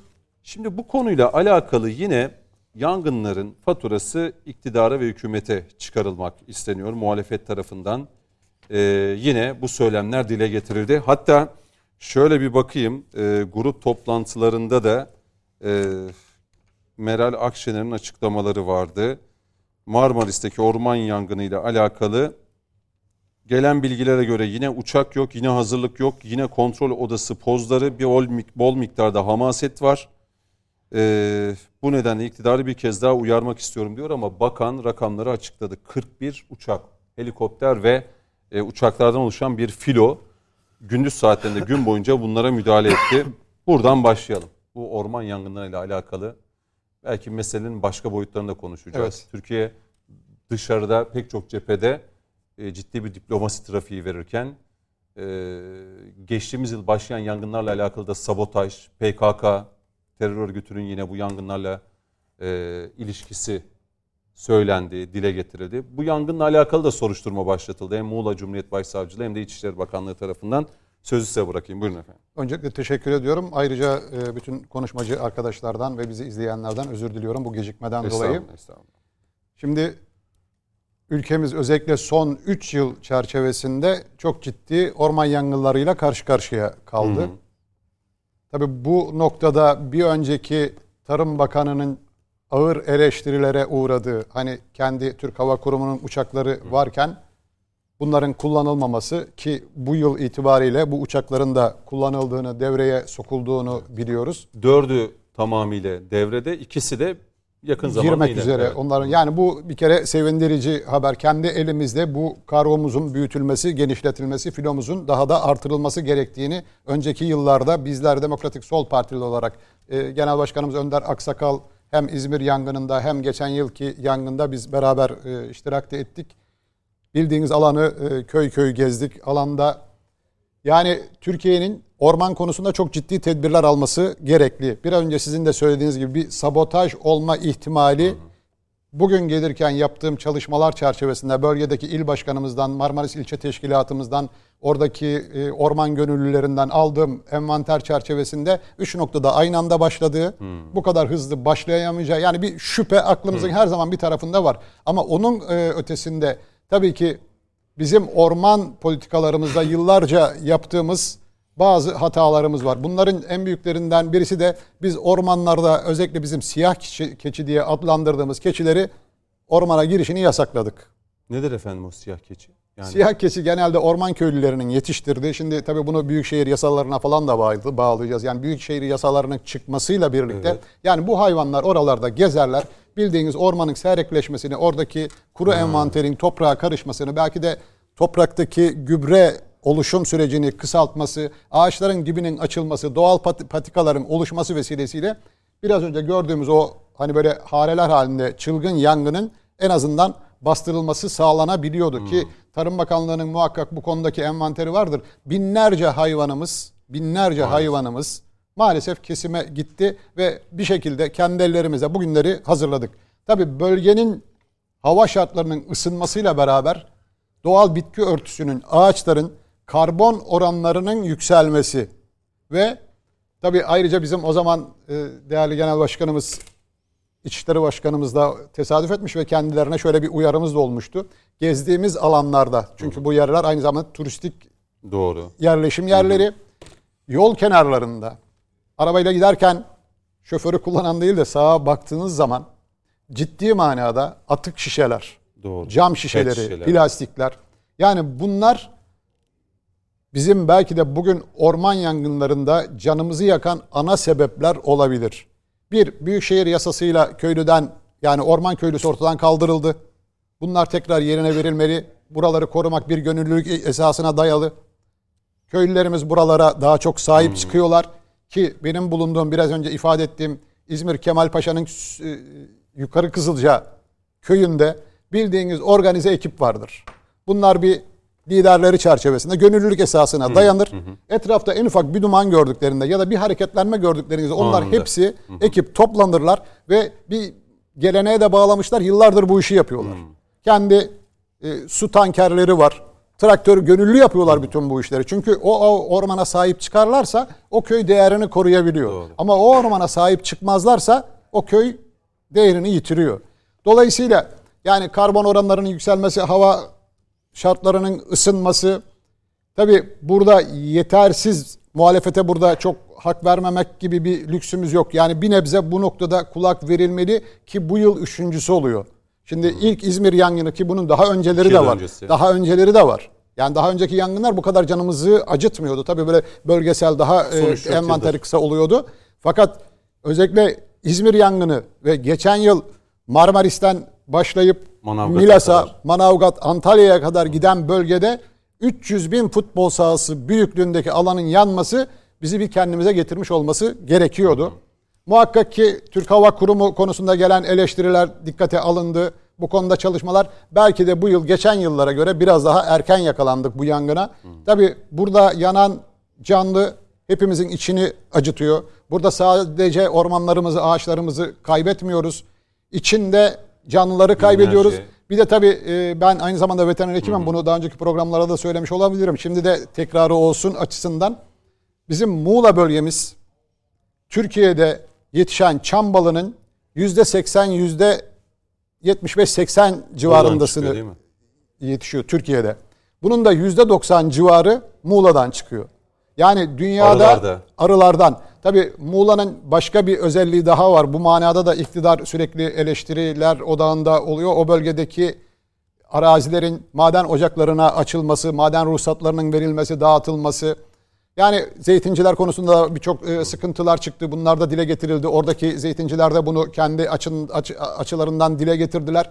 Yani biz özellikle gıdanın bu kadar önem kazandığı bir devirde altın değerinde olduğu bütün madenleri de önümüzdeki dönem muhakkak ki e, sollayacak ki bildiğimiz kadarıyla Artvin civarında bir e, anzer balı var. Kilogram gramla insanlar alabiliyor. Bu süreç sonrasında bizim bol bol yiyebildiğimiz Çam bu kadar balı. bolluğun içinde belki onun fiyatının farkında bile değiliz. Ama bu lüks çünkü oradaki Doğru çam çam yani dediğiniz doğru. Orada- biz, biz bile genelde hep Muğla tarafında Köyceğiz, Fethiye o tarafın Evet. çam balını alıyoruz. Yani oraya münhasır bir böcek vardır. Onun çıkardığı ekstretlerle arı gider onları bala dö- dönüştürür. Şu anda Muğla'da öyle tahmin ediyorum 40 bine yakın bir e, vatandaş hayatını arıcılıkla idame ediyor. Çok ciddi bir gelir kaynağı. Yani kaybettiklerimiz bunlarla beraber bunları da yitirmekteyiz. Tabii akşam üzeri son dakikada ben de gelirken haberleri takip ederken oradaki Cumhurbaşkanlığı köşküne yakın bölgeye de yaklaştığını, Evet, o evet. koyların çok güzel olduğunu yani bu konuda daha hassas olunması, hassasiyetin ötesinde görevlerimiz var. Bunların yerine getirilmesi gerekiyor. Planlamaların vakti zamanından önce yapılması gerekiyor. Ama şu anda Siz da İzmir'den başımızdan geldiniz. Hava sıcak mıydı İzmir'de? tabii tabii Yani tabii tabii İzmir buralara göre gerçi bu yıl Haziran bütün ülkemizde Geçtiğimiz yıl gibi bugün ben bugün bir iklim değişikliği uzmanıyla da gündüz yayında konuştum. Yine geçtiğimiz yıldaki gibi nem oranının düşük ve e, sıcaklıkların oldukça e, fazla olduğu belirtildi ki bu e, ve aynı zamanda etkili olan rüzgar tıpkı geçen sene olduğu gibi bugün bu tür e, yangınların e, olabileceğinin kuvvetle ihtimalinin yüksek olduğunu yani bunlar söyledi. cennet Hı hı. koylar. Evet. Ülkemizin tekrar yetişmesi yıllarca sürecek yerler. Ki geçen yıl çok canımız yandı. Bu yıl gene canımız yanmaya devam ediyor. Yani yetkililere Geçmiş olsun. Geçmiş evet olsun. bütün Yani yine, milletimize geçmiş olsun. e, şu anda o yangını Bölge halkına geçmiş olsun. çok Çünkü ciddi bir en büyük mücadele veriliyor. onlar çekiyor. Doğru. Şimdi e, Ekrem Kızıltaş'a döneceğim. Geçtiğimiz seneki yangınlarla alakalı da sabotaj ve PKK. Daha doğrusu e, biz reklam arasında da konuşurken e, işte Suriye yönelik bir harekatla alakalı e, terör örgütü PKK da şunu mu diyor? Bizim elimiz kolumuz bağlı değil. İşte biz bu yangınları çıkarırız. İçeride de siz bu yangınlarla ki geçtiğimiz yıl yangınlar başladığında Ateşin Çocukları mıydı? Neydi? Bir acayip bir isimleri var. Bir, evet. Yangınlar başlamadı. Çıktılar. Ee, hani biz bunları dile getirirken Türkiye'de muhalefet başka şeyleri e, argümanları ortaya Yangınlar sundular. başlamadan o söylemler başladı. Doğru. Dolayısıyla hani orada da bir e, PKK'yı e, gölgelemeye çalışan bir e, grup vardı Türkiye'de sosyal medyada. Şimdi burada da Yani bunu PKK gördük. yaptığını kabul etse bile Ya PKK'nın dedi, yapmadığına dedi. inanan bir Evet muhalefetimiz biz var. dedi yani. çıkarttık dedi bu yangınlar. Hani sahiplendi. Kandil'den de bu, bu şeyler gelmişti. Ekrem Kızıltaş. Yine biz böyle bir sabotajla bu sene bu yangınlarla yine mi Evet. mücadele Yani edeceğiz? inşallah olmaz. Temenni edilmez. İnşallah Şunu da olmaz söyleyeyim diyeceğiz. Yunanistan'ın da bu tür gergin olan ortamlarda daha önceki yıllarda nasıl bizde Ege'de yangınları çıkardıysa bir Yunanistan ihtimali de 80'li olabilir mi? 80'li yıllarda başlayıp PKK'nın kurulmasından sonra Yunanistan'da orman yangınları nasıl çıkarılır şeklinde PKK'lılara kurslar verildiğini, Kamplarda. hatta orman yangınına karşı mücadele edenlere rağmen nasıl yangın çıkarılır falan şeklinde bu kursların geliştirildiğini falan biliyoruz. Ki e, iki ülke arasındaki ilişkiler dolayısıyla zaman zaman gündeme gelen hususlardan birisi. Birisi. Şimdi işin aslı şu. Türkiye e, %27'si aşağı yukarı ormanlardan oluşan bir ülke. Elhamdülillah çok ciddi bir orman varlığımız var. Yür- 123 affedersiniz 23 milyon hektar. Bu hektar kavramı falan biraz kafalarda can, canlandırılması zor bir şey. Ve Ama burada söyledik, problem 300 bin futbol sahası yandı Evet. oldu. Ama evet. bakın yine de e, yani e, işte 300 bin tane futbol sahasını yan yana düşünmek falan böyle muhayyile dışı bir şey. Zannediyorum belki bir uyduda yeteri kadar yüksekliğe çıkıp uçakta bakmak bile yeterli olmayan bir şey. Her neyse. Buradaki mesele şu. Kötü niyetli olan birilerinin Allah korusun herhangi bir şekilde istediğiniz kadar koruyun, istediğiniz kadar gözetleyin. Şu anda benim bildiğim e, Orman Genel Müdürlüğü envanterinde herhalde ondan fazla İHA var. Bunlar sürekli olarak dolaşarak hani Allah korusun bu tür sıkıntılara karşı mümkün olduğu kadar erken hareket Hızlı etmek bir için bir şekilde. şeyler yapıyorlar. Bu açıklanan, açıklanmayan başka şeyler de vardır. Ve inanıyorum ki çeşitli şekillerde kolluk kuvvetlerinden, ormancılardan, şuradan, buradan bu tür şeyler olmasın diye ciddi çabalar vardır ve yıllardan beri olup biten bir şey. Mesela terör olayları konusunda biz sadece gerçekleştirilmeye çalışılan ve dolayısıyla bir şekilde kamuoyuna mal olanı biliriz. Orman yangınları konusunda da mutlaka bir takım faaliyetler ve bunlara karşı herhalde e, geliştirilen bir takım şeyler vardır. Ve duymamız gerekmeyenler de büyük ihtimalle bize duyurulmaz. Belki 10 tanesi harekete geçer, bir tanesi iki tanesi yapar. Biz de onun ardından bunları konuşuruz. İşin bir yönü bu, öbür yönü de şu. Türkiye'deki orman varlığının herhalde Selçuk Bey daha iyi bilecektir. Büyük bir kısmı Kızılçam Ormanı. Bu tabii gelişme olarak böyle. Bununla alakalı çeşitli rivayetler oluyor. Hatta e, biraz e, konuya naif yaklaşanlar efendim ne güzel işte meyve ağaçları diksek falan diyorlar ama Türkiye'nin %27'sinden bahsediyoruz. 23 milyon hektardan bahsediyoruz. Yani bu bahçeye erik ağacı, vişne ağacı, kiraz ağacı dikmek gibi bir şey değil. Bir de orman yapısı, derinlikleri kendiliğinden dönüşen yerler. Ve şöyle bir şey var. Kızılçam ormanları yanmaya başladığı anda isterseniz bütün denizleri üzerine boşaltın sönmüyor. Neden? O yangının, o ağacın kendine göre bir şeyi var. O sıcaklık, o sıcaklık dolayısıyla burada yangınla mücadele dediğimiz şey yangının daha fazla yayılmasını önlemek için yangının önünü kesmek ya da diğer yerleri soğutmakla alakalı bir şey. Neden? O yanan şeye su attığınızda belki yanışını daha da alevlendiriyor. Yani bunları bilmekte fayda var. Ha burada kendilerini bu ülkeye ait hissetmeyen, bu ülkeyi bölmek, parçalamak isteyen, bu ülke üzerinden bir takım hesapları yapmak isteyenler ve bunları güdüp bu ülkenin mutlaka kendi arzu ettikleri gibi davranması gerektiğini düşünenlerin bir tür ittifakı var. Kirli, yani son derece berbat, çirkin bir ittifak bu. Hı hı. Ve bu ittifaka mensup olanlar demokrasi, insan hakları, yeşil, çevre falan filan gibi laflar etseler de arka planda son derece soğukkanlı bir şekilde bu ülkenin ciğerleri mesabesindeki ormanları yakmak için bin türlü atraksiyon yapabiliyorlar. Bu açık ve net. Ha bu şu değil. Ya ne yapalım oldu falan. Hayır yani devlet elinden sonra elinden geleni yapmak zorunda. Bunu yaptığını, yapmaya çalıştığını da biliyoruz. Geçen sene hatırlayın. Israrlı bir şekilde Türk Hava Kurumu, Türk Hava Türk Kurumu. Tamam. İyi de Türk Hava Kurumu'nun bu hale gelmesinin arka planı neydi? Türk Hava Kurumu'nun elinde Geçen kaç uçak var? Konuştuk, bu uçakların anlattı. durumu ne? Hı hı. Bu uçaklarla alakalı neden bu hale gelindi? Şu anda işte 7 tane uçaktan 3'ü herhalde bazılarına söken Dördü. parçalarla hareket haline getirildi. Dör, üçtü, dördü de harekete hı hı. geçecek. Ama bakın şu anda bakanın açıklamasına sahada 27 helikopter, 14 tane uçak 41. var. Bu envanterin tümü de değil. Bu rakam oldukça yüksek yani Türkiye genelinde var olan. Demek ki orada e, belli bir saha olduğu için bu kadarıyla müdahale Ve gece ediliyor. görüşlü ha, söndürme 10 tane helikopter de inşallah Hı-hı. Temmuz'da gelecek. Şimdi şu, geçen seneki yaşanan ders olsun eyvallah. Ama geçen sene e, Türkiye Cumhuriyeti Devleti zaten Türk Hava Kurumu'nun uçakları çalışamayacak durumda olduğu için zaten belli sayıda helikopter ve uçak yine de vardı. Şunu da bilmek gerekiyor galiba. Bu uçakların e, çoğu devlet malı uçaklar değil. Dönemsel Kiralı. olarak kiralanan uçaklar, amfibik uçaklar falan dedikleri ve e, işte yılın belki bir buçuk iki ay gereken diğer dönemlerde hı hı. fonksiyonel olmaktan çıkan. Dünyada bunu bir sektörü belli, var. Belli bir, bir sektörü, sektörü var, var ve bu, bu bunlardan sektör... kiralıyorsunuz falan falan. Böyle bir akım var. Ve burada geçen sene den alınan derslerle bu sene e, daha erken hareket edildi. Uçakların, helikopterlerin tamamlandığı gece görüş önemli çünkü şu anda mesela karanlık bastıktan sonra havadan. müdahale edilemiyor. Hı hı.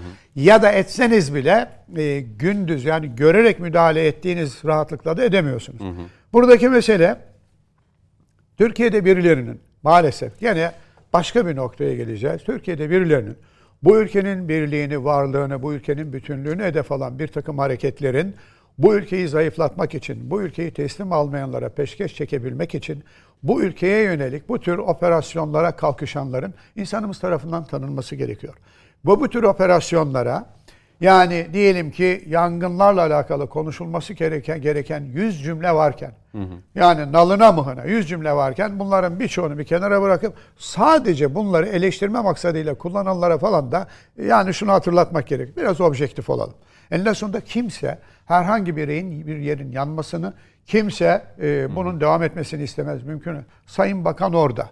Yani yarın e, Coşkun Bey de herhalde Mehmet Bey de biliyor. Yarın Ankara'da toplantı vardı. E, bizler de katılacaktık ve iptal, iptal edildi. Neden? Bölgeden ayrılmıyor. Çünkü önemli. Bu belki güzel bir aşama. Eskiden de Türkiye'de bir takım şeyler olurdu. Yani en de sonunda orada ilgilenen birileri ilgilen.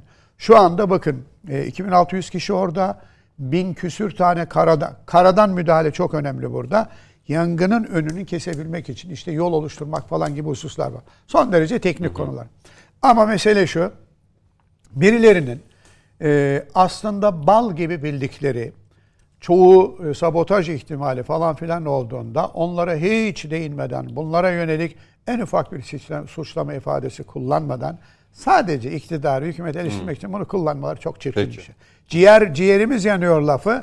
Benim ciğerim yanıyor değil. Türkiye'de 84 milyonun 85 milyonun ciğerleri yanıyor çünkü. Peki. Şimdi e, başka konulara da geçeceğim. Tabii takipte olacağız. Bilmiyorum Coşkun Başbuğ, Mehmet Metiner siyasi konular beni bekliyor. Bu, bu konuyla alakalı bir cümle- şöyle söyleyeyim. Dün mesela gece ben e, muhalefete yakın bir televizyon kanalında şu başlığı gördüm. Dakikalarca. Marmaris göz göre göre yanıyor. Şimdi bu başlığı ben, biz de bu işi yapıyoruz. Biz de bu mesleği yapıyoruz.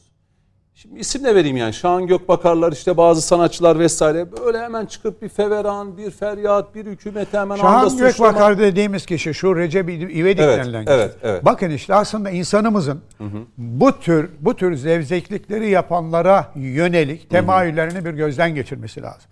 Bu milletin, bu milletin belli bir kesiminin sempatisini kazanarak kasalarını dolduran insanların yeri geldiğinde bu millete ihanet manasına gelecek laflar ede, etmelerine karşı insanımızın dikkat etmesi lazım. Peki. Yani dün gördüm o başlığı. Ya saatlerce yani bu göz göre göre yanıyor demek sanki orada bile bile gözlerini kapatmış devletin tüm kurumları hiç kimse orada yok. Kimse orada mücadele etmiyor. Saatlerce o başlık orada kaldı. Üzüldüm yani. Bu mesleği benimle birlikte bu ülkede yapanlar adına üzüldüm. Cüneyt Bey küçük bir not düşmek Tabii. istiyorum. Yani Hı hı. halkın da oradaki oluşturulan ama algıdır ama gerçektir. Rant söylentileri. Şimdi geçen yıl yakılan bölgelerde oradaki köylerin tapuya herhangi bir işlem için gittiklerinde tapularında şöyle bir şerh gördükleri işte bu bölge güneş enerji sahasına ayrılmıştır gibi. Bunlar tabii ki e, bizim teyitleyemediğimiz ama sonuçta benim Şahan Gökbakar değil ama sahadan yansıyan işte buralar rant kapısı olacak. Çünkü çok kıymetli Güneş araziler. tarlaları yapılacak. Güneş tarlaları yapılacak, beş yıldızlı oteller, Oteller. yapılacak. Şimdi bu tür Yanan Geçen gün- ama gördük ağırlıklı olarak yüzde geçen seneki yüzde 80 yüzde 90 kıyıdan çok çok daha uzakta noktalar. Çünkü yayılma Yo, yo. ve ilerleyiş Yo, şekline yo, baktığımızda yo, yo, yo. Yani biz o bölgeyi adım adım gezdik. O bölgede çok çalıştık.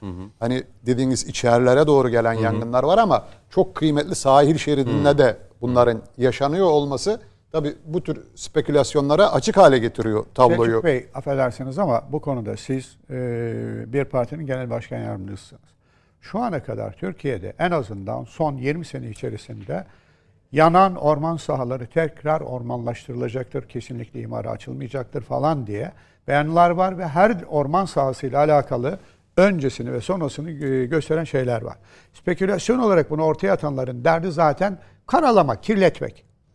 Dolayısıyla örnek varsa bence bunun üzerinden konuşalım. Selçuk Bey şunu söylüyor belki bunu takip etmek lazım. E, bakın Bunu- bu takip buna- ediliyor buna- bu- zaten. Burada iktidara düşen insanların işine su, su serpmek. Yani bu kaygıları gidermek. Yani burada benim anladığım biz çünkü dediğim gibi bu manada sahada şimdi devletle iç içe olmak başka bir şey. Biz muhalefetin artık son e, taraflarında kendi edindiğimiz bilgilerle bir şeyleri ortaya çıkarmaya koymaya Eyvallah. çalışıyoruz. Ve ben bunu hani bir iktidarın bu kadar etkili bir iktidarın bunu halka tek tek anlatması noktasında bir görevi olduğunu düşünüyorum. Eyvallah. Yani Peki. bunu bunu Bakın, yapmalı bu ki oradaki zaten. oradaki vatandaş köylüyü görseniz yani bunlar senelerce bu ormandan geçimlerini sağlamışlar. Büyük kaygıları var ve hatta şunu düşünüyorlar ya biz buradan gideceğiz işte biraz önce anlattığımız bal ormanları gidecek efendim arılarımız gidecek. Buraya 5 yıldızlı tesisler mi yapacak? Şimdi geçen gün üç, ufak bir haber gördüm. Böyle e, irkildim ki ben bu konuda çok hassasım. İzmir'de bir e, çeşme sorunu var. E, orada bir e, Fransız Rivierası'na dönüştürülmesi gereken falan falan o proje ayrı bir şey. Çeşme Bodrum'u geride bıraktı fiyat pahalılığında. Öyle bir koyu da fotoğraflamışlar. Oraya giriş 500 lira. Şimdi konuları çok fazla saptırmamak adına. Anladım. Şimdi yani bu memleketin insanı hükümet, vatandaşı e, açık bir şekilde bilgilendirmeli. Sayın Kızıltaş söyledi. Buralara asla e, imar açılmayacak, ağaçlandırılacak dendi. hükümet- Mehmet Metiner'e Hükümet de döneyim. söyledi o lafı. Evet ve daha birkaç ay öncesinde geçen sene e, köylülerin yandığı evlerde mimariye uygun bir şekilde ilk etapta çok sayıda ev tamamlandı. Köylülere de teslim edildi. Biz de haberlerini paylaştık burada onu söyleyeyim. Çevre ve Şehircilik Bakanı Murat Kurum da bunu paylaşmıştı. Ve güneş güneş paneliyle alakalı da bakın Türkiye'nin %27'si orman ama Türkiye'de çok kırsal arazi var. Ve kırsal arazi Oralarda mesela ku- daha- doğuya doğru gittiğinizde Bingöl'de efendim Kayseri'de, Konya'da, Sivas'ta değişik Yapıldı yerlerde zaten kıraç arazide güneş paneller orada yapılır. Bir ormanı kesip güneş paneli oraya döşeneceğini düşünmek akla ziyan bir şey. Bu yangından sonra olan bir tablo. Üstadım, Sayın Metin'e bir döneyim, yangının, yangının öncesi ve sonrası diye Orman Genel Müdürlüğü'nün yaptığı açıklamalarda önce yangın ve ardından da oradaki gerek e, fide dikimi ve gerekse zaten Kızılçam ormanlarının bir başka özelliği herhalde biliyorsunuzdur. Bir süre sonra kendini yeniliyor. Yeniliyor doğru. O Yani En güzel taraf o. evet. Yoksa yani sizin dediğiniz gibi dolayısıyla meyve bahçesine gider gibi dikemezsiniz. tabii ya, ya bil, bilmek ayrı bir şey. Yani Şu sol taraftan bir sağıma dönebilir miyim? Demokratik Tabii Sol ki. Parti Genel Başkan Yardımcısı da burada. sol tarafa kilitlendim kaldım. Bir türlü sağa Eyvallah. gidemiyorum. ama demokratik sol. Evet. Ee, Sayın Metiner buyurun. Yine aynı şeyleri görüyoruz. Şimdi Kemal Bey'in Ya hükümet göz göre göre bu ormanların yanmasına müsaade edebilir mi? tabii tabii eder canım niye etmesin yani. Ülke batsa şeyin umurunda olmaz ki yani hükümetin. Bunu ironik söylüyorum yarın İr- diyecek ki- İroni bazen ters anlaşılıyor. Ters. Ya çok enteresan bir şey. Yani yarın bu da çıkar da yani e, ironi yapmamıza bile izin yok yani. Ya hangi hükümet olursa olsun ya. Mesela AK Parti hükümeti değil. Kendi ülkesinin ormanların yanmasına nasıl göz göre göre seyirci kalır ya. Bunu iktidarda olan başka bir parti için bir söyleseydik densizlik yapmış olurduk. Böyle bir muhalefet olmaz ya. Ya muha- muhalefetin bu kerteye gelmesi gerçekten üzücü ya. Demokratik siyaset adına üzücü ya. Kemal Bey olay mahalline gitmiş. Tamam. Nerede bu uçaklar falan derken üstünden uçak geçiyor, helikopter geçiyor. ya Kemal Bey, ya kendini bu duruma düşürmek mecburiyetinde misin Kemal Bey ya? Ya başka tür bir muhalefet olmaz mı? Şöyle demiş, çağrıda bulunduk. Neden zamanında önlem alınmıyor? İktidar bunu neden seyrediyor? Allah'ım ya Sayın Bakanımız orada. Meral Cumhur- Akşener de aynısını söylüyor. Uçak yok diyor. Cumhurbaşkanımız bugün oraya gitti, denetlemeye gitti. Bakanlarımız oradaydı. Orman Bakanımızı buradan tebrik ediyorum. Orman Genel Müdürlüğümüz, Genel Müdürlüğümüzün bütün ekipleri orada. Köy, köylerimizin vatandaşları orada can siperhane. Ya biraz saygı duy ya. Ya anı anına böyle bir demeç vermek zorunda değilsin ki. Demek ki yarın öbür gün hep göktaşından, meta, e, meteor taşından bahsediyorum. Bir de yine. Düşse. Diyecek ya iktidar bunu düşeceğini niye tahmin etmedin, niye önlem almadın, niye buraya düştü? Ya böyle bir muhalefet olmaz ya. Kemal Bey ne olursun ya. Sen her seferinde sana cevap vermek zorunda bırakma bizi ya. Yani orada bir yangın var. Ve hükümetimiz acil bir biçimde müdahale etmiş. Gereken her şey yapılıyor.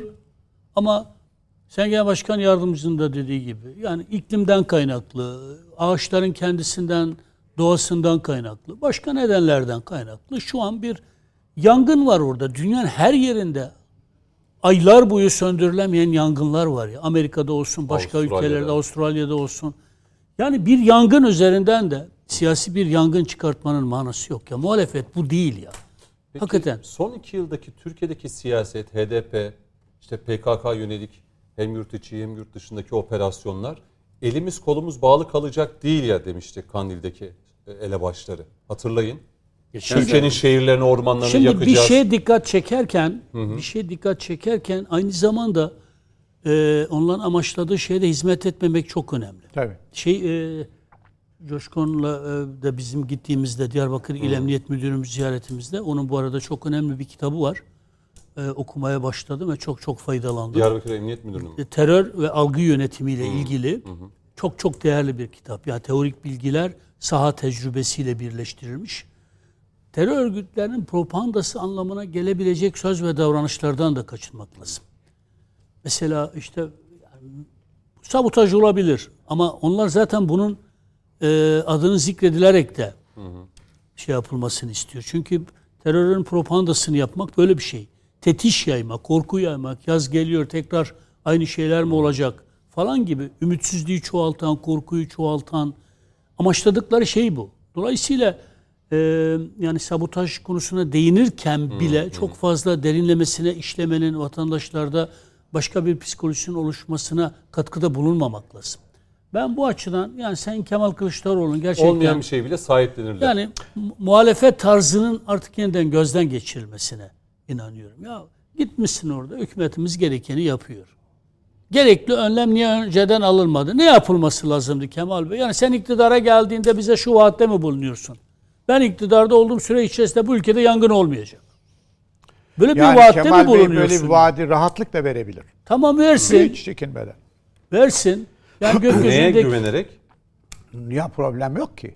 Yani bütün söyledikler aşağı yukarı yalan olan bir insanın bu tür bir vaatte Yok, bir bulunmasına şeye beis güvenerek yok. mi Burada bu- e, Cüneyt? Bey Hay terör de yapılmasın bitirsin. diyecek. Yani çünkü diyecek ya ben HDP zaten şey onlar da herhalde Kandil'den ricada bulunurlar. Terör de olmaz.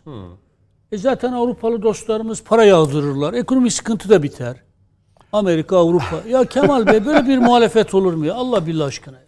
Amerikalı Aslında- dostlarımız Bey, o algıyı siz yaratıyorsunuz gibi geldi Hayır bana Kemal vallahi. Bey söyledi ama bunu. Biz Avrupalı dostlarımızla otururuz. Bir güven iklimi oluşacağı için zaten yatırımcılar gelmeye başlar. Ekonomik sorun çözülür.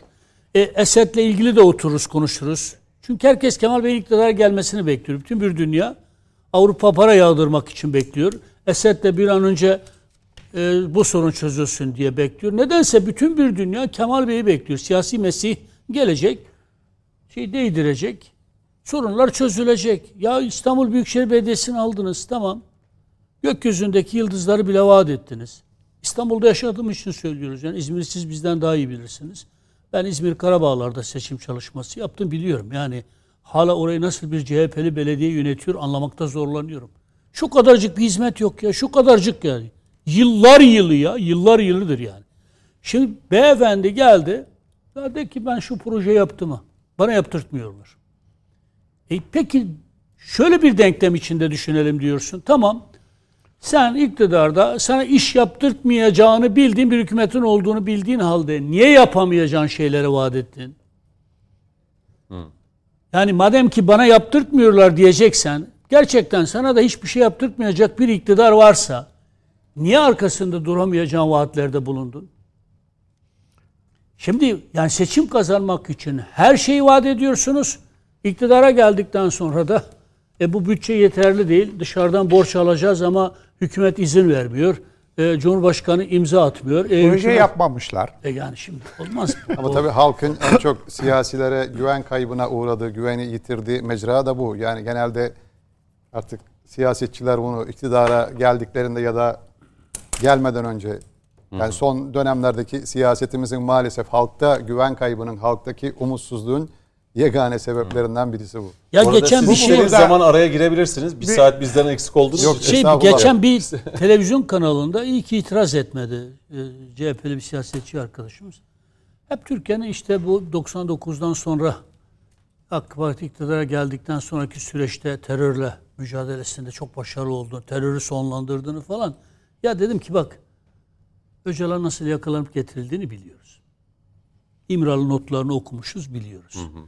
İşte e, Hasan Atilla Uğur iyi ki İmralı müzakerelerini yazdı. Nasıl getirdiklerini, İmralı'da Öcalan'la ne görüştüklerini bir şekilde yazdı. Ayrıntılarını da biz biliyoruz. Ya Öcalan talimat verdi. Siz orada oturdunuz, mü- mü- müzakere ettiniz. Öcalan da örgütüne talimat verdi. Çıkın, silah kullanmayın. Örgüt de çıktı. Tekrar peki ne zaman silaha başvurdu? 2000 2003 Ağustos'unda AK Parti iktidara geldikten bir yıl sonra. Onu da gene kendileri anlatıyor. Öcalan'ın kendisi anlatıyor. Dağda, onu da anlattım. Bak dedim dağda olağanüstü kongre toplandı. O zaman ayrılanlar oldu. Ayrılanlar kendileri anlattılar. Dönemin HADEP, e, HADEP miydi? Partisinin adını hatırlamıyorum. Genel sekreteri helikopterle getirildi. Öcalan'ın talimatını getirdi kongrede. Tekrar silahlara şey yapın dedi. Ayrılan ekip de şey diyor ya artık silahlı mücadelenin dönemi bitti. Demokratik siyaset. Yani bunu kendileri anlatıyorlar. Başkanlık konsey üyeleri düzeyinden. Öcalan'ın kendisi de anlatıyor. Gene müzakereler neticesinde AK Parti hükümetine karşı PKK nasıl silah kullanıldığını iyi ki itiraz etmedi. Yani bütün bu Ama gerçekler Ben, ben ufak bir itiraz yapacağım Sayın. Metin. Ben sizin iktidarınızı eleştirmiyorum. Sizin Yani şimdi o dönem hani çekildi falan zaten kendisinin özellikle Abdullah Öcalan'ı bahsediyorsak kendisinin alınmasıyla birlikte artık bir can hesabına düştü. O can hesabına düştüğü andan itibariyle de hükümetle pazar yani silah bıraktırmaktan insanları kendine o e, ifadelerin falan bir göz önünde. Yani rahmetli bir Ecevit de işte dedi ki bize niye teslim edildiğini hala biliyor Yo, değiliz onu, dedi. onu da ben e, tekrar baştan ama yani gayet iyi biliniyor. Çünkü o dönemki iktidarın istikrarlı üzerine yürüyüşü daha önce de belirtmiştim. Özellikle Suriye'ye askeri birliklerin yığılması, sonra Suriye'den Rusya'ya geçilmesi, Rusya'dan İtalya'ya geçilmesi, İtalya'dan Yunanistan'a geçilmesi, Yunanistan'dan Kenya'ya gidilmesi. Yanına, Hayır, yani konu bunların bu değil hepsi de Öcalan'ı yakalayan biz değiliz. Bize teslim edildi yani. Ha, yakalayan biziz. Ben de Amer- o süreci anlatıyorum o yüzden. Üstadım Hasan Atilla Uğur'u oku ya. Anı kitabını kaynak yayınlar arasında Şimdi çıktı. muhakkak kaynaklar vardır. Kaynaklar ona benzer şeyler Üstad. söyleyebilir. Ama kararlı bir iktidar... Üstadım konu bu değil. sür- girmek istemiyorum. Ben de Geçeceğim. girmek istemiyorum. Yani Sen konu iktidarını dağılmasın diye. suçluyor değilim. Çok başarılı mücadele ettiniz. Çok olmayın. Allah rahmet eylesin. Bu konu bu değil. Ama silahını bırakan bir örgüt var. 2003'te de AK Parti iktidara geldikten sonra tekrar silahını kullanan bir örgüt var. Yani silahını bırakmış gitmiş sen terörle mücadelede ne kadar başarılı olduğunu anlatıyorsun. Bu bir hikaye, şehir hikayesi. Şimdi Şimdi buradaki şey söylediğim şey şu. Yani e, orman yangınlarından şimdi nereye geldik? Şu Yani- orman yangınlarıyla Yani- alakalı Selçuk Bey'in başlarken söylediği Konu- konu dağılmasın diye hani kıssadan murat hissedir diye bir şey var ya. İşte orman yollarında e, o pet şişeler şunlar özellikle cam şişeler gibi konular. Şimdi orman yangınlarını sabotaj ihtimali her zaman vardır ama orman yangınları mesela sıcaklıkta e, çam kozalaklarının kendi hareketlerinden bile tutuşma olabilir. Tutuşma olduktan sonra o kozalakların 100 Bomba metre, gibi 200 patlıyor. metre Evet, öteye üzeri- gidip bomba ama gibi o kozalaklara niye bir çözüm Kendiliğin- bulamıyorsunuz? Efendim? O kozalaklara niye bir çözüm O da bir bulamıyorsunuz? ara Siz tartışıldı. iktidar, Neden- İktidar bulmalı bunu neden- yapmıyor. siz iktidar 200 değil yıl misiniz? önce, 100 yıl o kozalaklar niye yanmasına izin veriyorsunuz? işte Şimdi bakın Bu- Kızılçam ormanları belki milyon yıl boyunca vardır. Kendi kendini yeniler. Yanar. 3-5 sene sonra tekrar o kozalaklar etrafa dağıldığı için şeyler Toprak dökülür. bile yeniliyor. Çekirdek dökülür falan. Bir an Yani önce bu, tabii bir ülkenin başından gidin. Buradaki- buradaki Bak, Kemal Bey şu. diyor ki bir an önce bu ülkenin başından gidin. Artık bu yangınlar falan da bitsin. Ülkeye refah gelsin, ekonomik sorunlar çözülsün, terör bitsin. Şimdi bazıları yanlış bitsin. anlamış ama ben gene şeydeki Ya. e, İsveç'teki PKK'lı milletvekilini hatırlatacağım. Dolayısıyla siz birileriyle kol kola girmişseniz e, bugün istedikleri hiçbir şeyi alamayanların, devlet tarafından istedikleri hiçbir şey alamayanların yarın isteklerinin nereye varacağını kestirme şansınız yok. Dolayısıyla yarın belki bugünkünden daha fazla köşeye sıkıştırılma ihtimalleri var. Benim söylemeye çalıştığım şu, hepimiz insan olarak mesela orman yollarından şuradan ağaçların olduğu yerden geçerken yollara cam, şu bu falan filan atmayalım. Birincisi çevre yönünden, temizlik yönünden ama Çok doğru. en çoğu da o özellikle plastiğin öyle bir özelliği var mıdır bilmiyorum Yok, ama yok. cam Plastik cam son derece tehlikeli bir şey. Hiç farkına varmadan bir cam kırından yansıyan bir şey kısa bir sürede orman yangını Doğru. başlatabilir. Çok Doğru. riskli bir olay. Yani sigara atmamak falan falan falan işte ormanlarda mangal yapmamak ayrı meseleler ama yol kenarlarının hem çevre açısından temizliğine insan Özellikle olarak Ege ve Akdeniz'deki dikkat etmeli yollarda, ve evet. özellikle de cam atmamalı gördüğümüzde de herhalde kaldırmalıyız. Peki. Hocama ufak bir ek olarak kapatıyorum. Ee, ormanların da orman köylülerimize teslim edilmesi gerekiyor. Peki. Yalnız burada ranta açılacak denilen ormanların şimdi fotoğrafları geldi bana. Hepsinden ağaçlandırılıyor. Tabii Ağaçlandırılacak. tabii, o, konuda şey yok. Asla yanan ya- ormanlarımızın hiçbir milimetresi bile ranta açılmayacak. Hükümetimizin bir vaadidir. Bu konuda çok duyarlıdır hükümetimiz. Bir tek örnek gösterirseniz herkesten daha fazla hatta herkesten önce biz karşı çıkmazsak namert olalım. Eyvallah. Peki. Bunu duymak eminim bizi izleyenleri de sevinden, şey, benim gibi sevindirmiştir. Yani, yani. yani bu bu çok önemli. Çünkü o toprakların olduğu mecralar kolay toprak olmadı. Yeşille alakalı çok tartışma yapıldı. İşte en son havalimanı ile alakalı %97'si tamamıyla yeşil alan olacak. İstanbul'da da işte Atatürk Havalimanı ile alakalı. Ama üç ağaç için yapıldı. kıyamet kopartır. Halbuki onları başka bir yere taşıyacaktık. Yüz binlerce fidan diktik. Ee, ona bile karşı çıktılar. Şimdi bu yangınla alakalı dün e, açıklanan e, Ankara'da bir kriz merkezi var. İHA'lar yani Bayraktar'ın, Selçuk Bayraktar'ın öncülüğünde bu üretilen İHA'lar aynı zamanda e, Mavi Vatan'ı gözlemliyor, sınırları gözlemliyor ve Türkiye'de orman yangınlarına karşı da e, İHA'lar hep uçuş halinde. Devri halde evet. E, ve gece gündüz o gece görüşüyle birlikte. Ee, bunun önemini de gördük. 8 dakika, 7-8 dakika içerisinde ilk müdahale yapıldı Marmaris'teki yangına. Şimdi bu İHA'dan yola çıkarak Sezgin Tanrıkulu'nun o parodi hesaba yönelik cevabını gördünüz değil mi? Dur bir ormana gireyim ben. Sen çıkamazsın ha. Girsen çıkamazsın. Yok, evet. Çıkarım. Ee, Ya Çünkü şimdi önemli bir konu. Süre de daralıyor. O yüzden Siha'ya da gireriz, Selçuk ormana Bey da gireriz. Ben hemen şimdi oraya bir değineyim. Niye ormana da girecek misiniz? Gireceğim yani? kesin. Adalardan Çünkü bir ormana Orada girecek. Mehmet abinin dediği önemli. Yani terör örgütünün propagandasını yapmak doğru Evet. değil. Ama e, şunu da belirtmekte fayda var. E, hani Yunan nasıl kaçarken yakıp yıkıp çıktıysa birileri de artık tükendi bitti diyoruz ya terör örgüt. E, aynı mantıkla Türkiye'yi köşeye sıkıştırmanın arayışı içerisinde. Şimdi üç yerde başlıyorsa bunun artık e, adını hiç eğip bükmeden koymak lazım. Burada bir kasıt var. A örgüt, B örgüt, C örgüt hiç önemli değil. Ama e, burada az önce bir örnek verdi. Neydi o sanatçının adı? E, Şahan Gök. komedyenin. He? Recep İvedik. Şaban Gök. Şahan, Şahan Gök. Şahan, Ha, Gökbakar. pardon. Şimdi bakın bu e, Türkiye bir takım oyunu, takım oyunuyla yüz yüze. Yani ben yakacağım, sen köpürteceksin, diğeri medyaya taşıyacak. Böylelikle bir algı oluşacak. Orada konuşan e, sanatçı görünümündeki kişilerin öyle hamasaten veya işte e, reklam olsun veya hadi çorbada tuzun bulunsun diye konuştuğuna ben asla inanmam, ihtimalde vermem. Çünkü devlet almış olduğu tedbirlerle İHA, SİHA, Arazöz, işte yangın uçakları zaten normal şartlarda her türlü tedbir alınıyor. Yani örneğin Bir de bu İzmir'de sene polis özel harekatla jandarma komando timleri de e, belirli devriyeler halinde ormanları korumak için görevlendirildi. Ki başladı. Onlar da onu da söyleyelim. bakın işte vurguladım o. Ben görevdeyken de orman yangınlarında Daha önce bizim oluyor bile muydu ormanlarda polis özel harekat ya da jandarma komando ya da bu timlerin çıkıp devriye ormanlarda? görevi yok. Ancak e, askeri birliklerin özellikle ben görevdeyken çok yaşadım. Çok da gittim.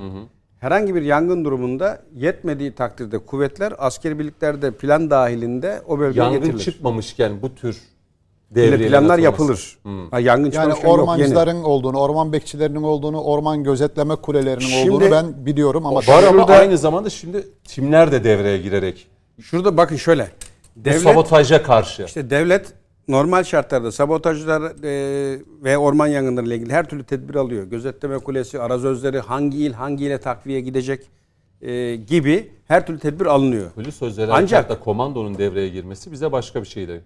Ya işte üstüne ilave yani o normal şartlarda onların söndürme görevi yok. Yok. Ama e, devriye görevi yeni konan bir husus. Yani bu şunu gösteriyor. Devlet her türlü tedbiri alıyor. Ama e, devletlerin boyunu aşan hani Kur'an-ı Kerim'de Yüce Kitap'ta hayvandan aşağı diye adlandırılan bir Belki yapı ve grup var. İşte o yapı hesap edemediğin. Çünkü e, bu terör örgütlerine dikkat edin. Kadına, çoluğa, çocuğa, sahipsizlere kurşunu gözünü kırpmadan sıktı. Niye? Gücü ona yetiyor. E şimdi aynı yapının gücü sessiz sedasız ağaçlara yetiyor. E, oradaki yapıya yetiyor. Şimdi e, devlet tedbir almaz. Devlet uzaktan seyreder. Amenna. E şimdi bir sel felaketi oldu Ankara'da. E, İçişleri Bakanı'nın o fotoğrafı ortada. Belediye başkanının fotoğrafı da ortada ki burada esas sorumlu belediye başkanı. Şunu hiç gördük mü? Sayın Kılıçdaroğlu'nun canhıraş bir meydana gelip de başkanın en büyük belediye ya Ankara başkent. Yanına oturup ne var yardım edeceğimiz parti olarak yanındayız. Söylediği olay üstlendiğini gördük mü? Bu Bakırköy'deki belediye başkanının evine girip oturmaya benzemez. Sahaya in, varlık göster, bir manevi destek ver başkanına. Yok. Başkan ortada mı? O da yok. Ama devlet tüm kadroları orada. Bakanlarıyla, bütün seferber olan diğer kurumlarıyla. Şimdi burada da aynı tabloyu görüyoruz. Sen burada hırsıza en ufak bir e, değdirme, dokundurma yapma. Olayla ilgili dış güçlerin Türkiye'de acaba bir dahli mi var deme. Doğrudan işi getir, iktidarın üzerine yık. Böyle bir şey bir ilişki olamaz. E, Akıl tutulması diyeceğim bir e, ilişki olamaz. Şimdi sen eğer tutar da devlete işte bir takım nerede uçaklar, nerede diğer hususlar dersen örgüt ağzıyla konuşmuş olursun. O zaman suça ortak olursun. Hani dedim ya bir takım oyunu diye. Evet. Birisi eleştirecek, birisi e, bir takım yaftalamalar yapacak, birisi de sahada fiilen bu işin göbeğinde olacak. Takım oyunundan kastım bu. E şimdi e, geçtiğimiz yıl hatırlayalım. Hani bizim gibi öyle sabotaj da değil.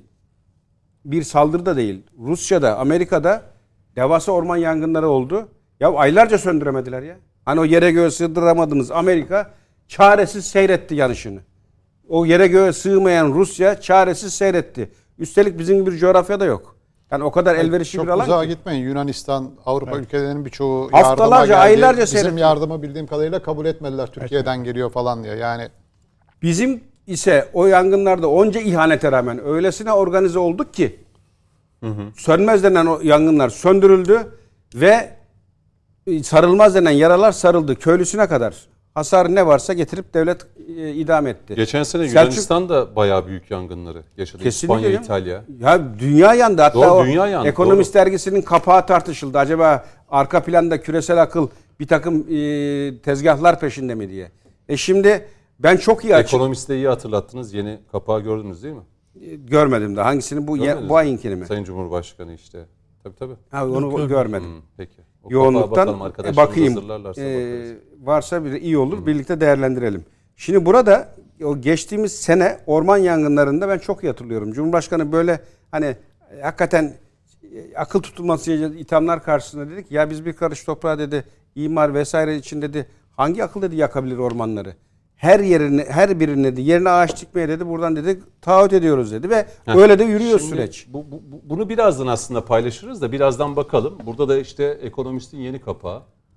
Ee, görebiliyoruz değil mi tüm konuklarımız? Görüyoruz da İngilizcesini ve Türkçesi yok mu? Ya bir top var. Top ateşlenmiş. Üstünde Sayın Cumhurbaşkanı'nı resmetmişler.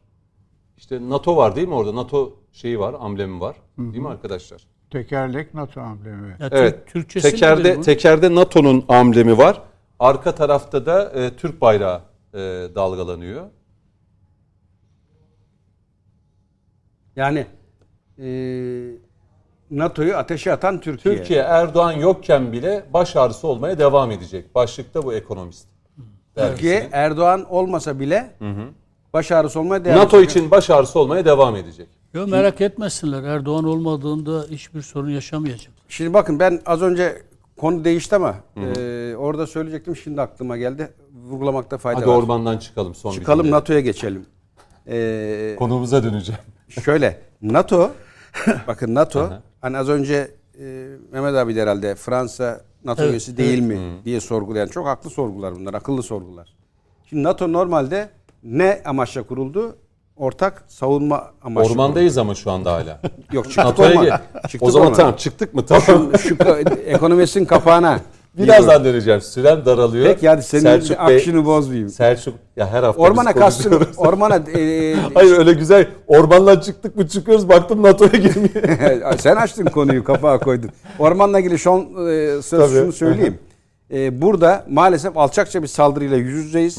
Devlet alması gereken her türlü Her şeyi tedbiri alıyor. Ve hiç merak etmeyin bunlar öyle rant mant ormanın işte e, orada kendine yeni bir alan. Bunların hepsi safsata. Peki. dışarıdan güdümlü olaylar. Ancak burada vatandaş olarak üzerimize düşenleri değerli konuklar sıraladılar. Fakat şunu da görmek ve bilmek durumundayız. Ee, maalesef e, bu yaz bu konuda e, daha sıkıntı yaşayacağız gibi geliyor. Peki. Yaşanan gelişmeler. Şimdi e, Türkiye'nin bir diplomasi trafiği var. Yani bu bitmiyor zaten yani şu son e, bir, bir buçuk hatta iki yıla baktığımızda salgınla birlikte aslında baktığımızda müthiş bir trafik var. İşte tahıl krizi için bir görüşme oldu. Oradan ilk gemi, Türk gemisi çıktı. Uzun süredir orada bekletiliyordu. E, ardından bugün Prens Selman Türkiye'ye geldi. Selçuk Bey size sözü vereceğim ilk. Ee, aynı şekilde Türkiye-İsrail ilişkilerinde e, yine bir ilerlemeyi görüyoruz. Diğer tarafta Türkiye-Yunanistan e, arasındaki e, gerilim zaman zaman artıyor.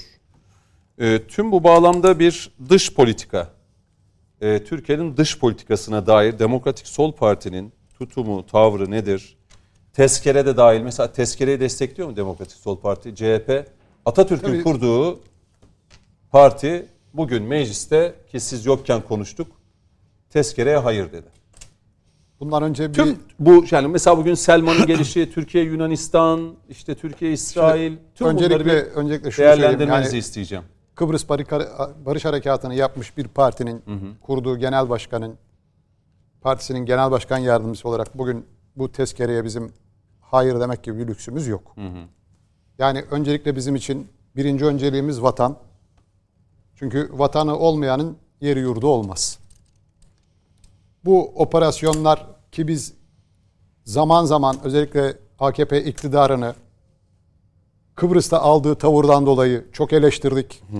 Ve daha sonra Kıbrıs'taki tablonun bizim istediğimiz boyuta gelmesi ve eleştirilerimize hafifletmemiz yüzünden de eleştirilere uğradık. Mavi vatan çok önemli. Libya'daki çıkarlarımız çok önemli.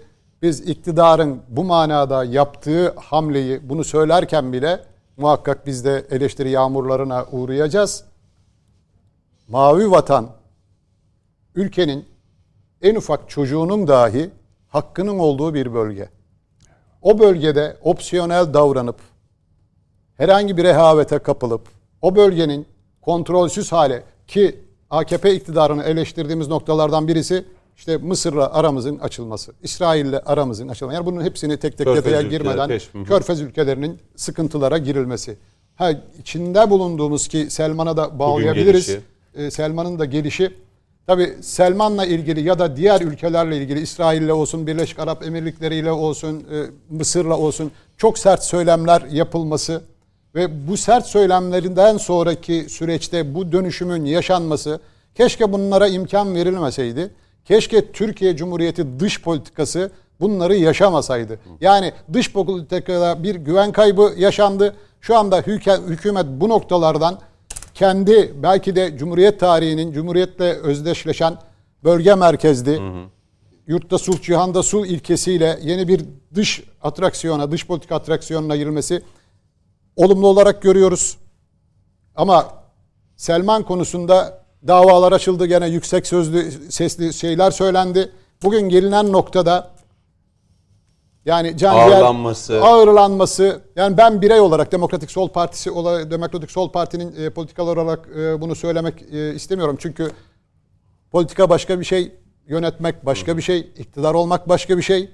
İktidarın kamuoyuna bizim düşüncelerimiz ha- haricinde borçları var. Bunları yerine getirmek zorunda. Bu noktada belki anlayışla karşılanabilir. Ama bizim ülkemizde, bizim ülkemizde kendi vatandaşı dahi olsa bizim topraklarımızda bir insanı buharlaştırması, ben buharlaştırma diyorum adamın cesedi bile yok. Külleri bile yok. Yani bu kadar hunharca ve canice ve bunun sorumlusu olma ihtimali çok yüksek olan bir Selman'ın bu şekilde şu anda. Türkiye'de ağırlanması yani Selçuk Karakülçe'yi e, rencide ediyor ama politika olarak da ilelebet bir küskünlükler söz konusu olamayacağını düşünüyoruz. Kendi vatandaşı ki büyükelçi toprak e, büyükelçilik toprakları da kendi toprakları sayılıyor. Türkiye oraya ne kadar müdahale edilebilirdi? Bunların hepsinin e, karşılıkları Ama cinayetin var. aydınlatılması açısından Türkiye pek çok şeyi yaptı. Dünya İşte kamuoyuna. dosyayı son noktada Ve keşke o dosyayı vermese açmayaydık. Vermez, kesinlikle vermeseydik ve tabi bölgede belki de ekonomik olarak sıkışmışlığın da vermiş olduğu bazı çözümler, çözümlerin aranıyor olması, bazı açılımların aranıyor olması buna sebeptir. Yani bu manada hükümete ağır eleştirilerimiz var. Keşke bu noktalara gelecek politikalar Bey, ilk günden vereceğim, söz ilk vereceğim. günden bunlar Hayır hayır. Bey'e bir yapılmasaydı soru sormak istiyorum. Tabii tabii. Tabii buyurun. Ee, Cemal Kaşıkçı davası, bütün sorumlular, şunlar bunlar Suudi Arabistan'da, yurt dışında. Türkiye mahkeme açılalı kaç sene oldu? 3 sene mi oldu? 4 sene mi oldu? 4 senedir sürekli duruşmalar yapılıyor. Savunma yok, 3 sanık buçuk yok, sene. şu yok, bu yok. Interpol'e falan başvurulmuş. Burada ismi geçen kişilerle falan alakalı gelmeyecek. Türkiye'de benim bildiğim bazı arazi davaları 50 sene, 60 sene, 70 sene sürer. Cemal Kaşıkçı davası da eğer bu şekilde görülmeye devam etseydi zannediyorum bir 120 sene falan sürerdi. Bunun yerine Türkiye Cumhuriyeti Devleti aslında sadet dışına çıkarak, sadet dışı altı çizilmesi gereken bir kelime neden? Suudi Arabistan konsolosluğunda olup biten bir şeyi, bütün örtme ve gizleme gayretlerine, Türkiye'nin başına çorap örme gayretlerine rağmen bir şekilde konsoloslukta olup biten şeyi biz kısmen bildik belki ama ilgili herkese orada neler olup bittiğini anlatıp bu meseleyi sadece Türkiye'nin değil bütün dünyanın gündemine getirdi ve dolayısıyla burada yapması gerekenleri yaptı. Suud'da da bir mahkeme açıldı, bir şeyler oldu falan. Sorun. Bunun ötesinde şimdi bakın Soru alacaktım da bölündü. Şimdi bakın, Söz vereceğim yine size. Biraz buyurun. önce hı. Cemal Kaşıkçı'yı katleden bir adam ve onun Türkiye'ye gelmesinin rencide tarafı. Eyvallah. Mısır'da Mısır'ın belki e, tarihi boyunca halk tarafından seçilmiş ilk, ilk cumhurbaşkanına karşı bir takım güçlerle işbirliği yapıp darbe yapan ve sadece Tahrir Meydanı'nda yanlış hatırlamıyorsam 4000 civarında insanı katleden bir diktatör iş başında. Ve daha da tuhafı şu 100 milyonluk Mısır'ın değil 100 milyonluk Mısır'ın değil başkalarının menfaatini düşünüp Türkiye ile işbirliği yapmak yerine münhasır ekonomik bölgedeki %30'luk kaybı göze alıp Yunanistan'la anlaşma yapan bir yönetim var. Şimdi bakın geldiğimiz aşama 2022 senesinde geldiğimiz aşama şu. Birileri bizim bulunduğumuz yere geldiler. Yaşınız müsait değildir belki. Ee, televizyonun siyah beyaz olduğu dönemlerde bir reklam vardı. İzocam reklamıydı. İsmini de zikredebiliriz. Ee, göğü ısıtamazsınız deyip sonunda da işte bir esnaf sonunda bana geldiler diyordu. Şu anda sonunda bize geldiler. geldi. Bunun para pul, hayır yani para pulla alakalı bir tarafı yok bunun. En de sonunda çok açık bir şey. Mısır'ın kendisiyle anlaşma yapıp %30 münhasır ekonomik bölge kaybına uğrayacağı Yunanistan mı? Yoksa %30 daha fazla bölge kazanacağı Türkiye ile mi iş yapması gerekir? Şu anda belli ölçüde münasebetler sürüyor. Suudi Arabistan takım Soruyu atraksiyonlar falan bekliyorum Ekrem yaptı. Kızıltaş hala. Araya gideceğim çünkü sürem de daraldığı için. Hayır, yani- Soru dediniz ben soru sormak istiyorum. O yüzden Soruyu Selçuk Bey de bekliyor sonra, soruyu sonra bekliyor. işin tadını kaçırdım yoruma doğru girdim. Yani soru şuydu ya bir kişiyi Coşkun öldüren bir kişiye tahammülsüzlük nerede? NATO'ya girmek 4000 gibi bir şey kişiyi oldu bu. katleden birine tahammülsüzlük nerede? Yani tabii ben e, anladığım kadarıyla şimdi hocam Şu, dünyaya Ekrem Kızıltaş şunu söylüyor. Ekonomik gelişmelerden dolayı Türkiye işte körfez ülkelerine dönmek zorunda kaldı. Hayır. Bu mu? Yoksa onlar dünyada bir değişim var. E, yüzlerini Türkiye'ye dönmek zorunda mı kaldılar? böyle mi söylüyorsunuz? Ben ikincisini Ben- yok. doğru. Soru bu İki aslında. farklı. Yani onlar bir şeyleri görüyor. Dünyada pek çok şey değişirken Türkiye'ye dönmek zorunda mı kaldılar? Yoksa biz eko- yaşadığımız ekonomik, dünyanın da yaşamış olduğu ekonomik sıkıntılardan dolayı Körfez'de para çok, biz de oraya döndük. Bu mu? Şimdi ben oraya gelmeden önce geçen programda da ifade ettiğimi biliyorum. AKP iktidarı hakikaten Türkiye Cumhuriyeti tarihinde kimseye nasip olmayacak şekilde tek başına iktidar dönemleri daha sonra işte artık e, şeyler olmayacak. İttifaklar. ittifaklar, e, olmayacak, koalisyonlar olmayacak mantığıyla gelinen noktada başka koalisyonlar kuruldu ve kuruluyor, kurulmaya da devam edecek. Ve bu halkın vermiş olduğu teveccühü geride bıraktığımız 20 yıllık sürecin özellikle 15 yıllık hatta bir, bir kısımda o 15 yılda çok fazlaca övünüyorlar. Yani o bölgeye bir gönderme yapıyorlar. O döneme bir gönder. Biz vardık çok iyi oldu falan. Biz şunu söylüyoruz. Eğer ki Türkiye Cumhuriyeti Devleti dış politikasının konumlandığı şekilden kolay kolay taviz vermeseydi, halkın kendilerine verdiği teveccühle, işte Mısır'dan bahsediyoruz. Mısır'a ayar vermek bizim haddimiz, haddimize mi? Biz öncelikle ulusal çıkarlarımızı korumak zorunda değil miyiz?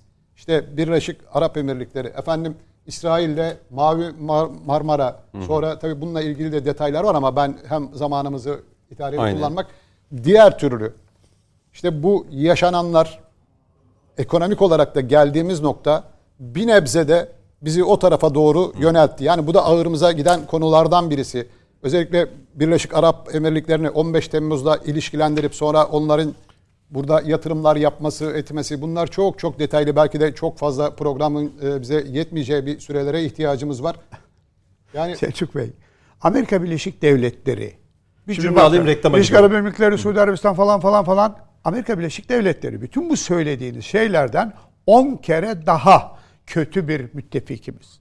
Amerika Birleşik Devletleri ile ilişkilerimiz bile belli bir şekilde sürerken onlarla niye sürmesin? ben de onu söylüyorum. Ha, onu söylüyorsunuz Buraya- buraya- ama, buraya getirmememiz gerekirdi. Neyi? Şu geride bakın hocam burada ülke çok ciddi manada gerek ekonomik Evet. şu anda Türkiye'nin köklü en köklü tavukçuluk firmaları tamam. şu anda tavuk kümeslerini kapatıyorlar.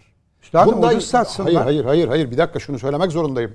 Bunun temelinde dediğiniz gibi dünyada yaşanan ekonomik konjonktürün Tamam. etkisi Tamam. olabilir. Bunu kabul ediyorum. Tamam. Ama bunun yanında bizim uyguladığımız popülist ekonomik politikalar Popülist ve mi? yani şunu izah etmem gerekiyor. Özellikle kendimizi olduğumuzdan daha değerli görüp Orta Doğu ülkeleriyle aramızın açılmasında yani yumurta satamadığınız için, tavuk satamadığınız için Yapmayın. Popülist politika Şöyle dediğiniz yapalım. zaman Ya- işin rengi değişiyor. Peki bir reklam arasına gidelim. Yani bugün Sayın Kılıçta e, grup toplantısında Kılıçdaroğlu da aslında muhalefetin e, söylemine baktığımızda cümleler birazdan bir araya gidelim. Son e, bölümde bu konuyu biraz daha konuşacağız değerli izleyenler. Efendim son bölüme hoş geldiniz. E, devam ediyoruz. Bir yaklaşık 15 dakikamız var. Hazır e, Selçuk Bey de yanımızdayken bir soru daha yönelteyim. Biraz da hızlı hızlı birer ikişer dakika. ben o diğer kısmı hemen ufak bir şeyle kapatabilir Orada miyim? kapatalım mı? Yani Bir şimdi cümleyle. bu, bu- biraz önce hocam çok güzel bir şey söyledi. Hani Amerika ile bile ilahiyane bunlar e, yürütülebiliyor ya da işte barışmamız lazım. Bence Esad'la da bu konuları Türkiye'nin bir an evvel kapatması gerekir. Esad Suriye'yi sahiden yönetiyor olsaydı bu olurdu. Keşke. Size Peki. sözümü bu kadarla bıraktım. Şimdi altılı masa bir aday çıkaracak mı Selçuk Bey? Biz beşli bir masada oturuyoruz şu anda. Arada bir- farklı bir düşüncenin Artı olması bir falan yok mu burada? yok. Artı bir yok şu anda. Zaten DSP niye o masada yok? Evet DSP niye o masada yok? Siz istediniz de mi almadılar yoksa siz mi o masada olmak istemediniz? Yani tabii bizim Yoksa ittifaklarla masaya çağırsalar buyurun gelin deseler gider misiniz o masaya? Yani değerlendirilebilir. Şu anda buna olmaz ya da yok demek ama altılı masayı ben daha önce de değerlendirmemde Türkiye'de farklı siyasetlerin bir arada olması açısından çünkü bir 80 sürecini yaşadık. 80'den sonra işte biraz önce Sayın Metiner'in e, söylemlerinde işte farklı kulvardaki insanların birbirlerine bu kadar uzaklaştığı, bu kadar en ufak söylemlerinden işte ülkenin Kutuplaşma işgali, kutuplaşmasına kadar geline, gidilen bir noktada bu altılı masa eğer işlevsel olarak işini iyi yapabilirse hani iktidar olur olmaz o başka bir şey. İyi Masadaki- bir şeyler yaptığını görüyor musunuz şu anda? Ya da şöyle düşün şu tezkere konusunda siz DSP'siniz ben de masada CHP'yim. Ben hayır vermiyorum tezkereye.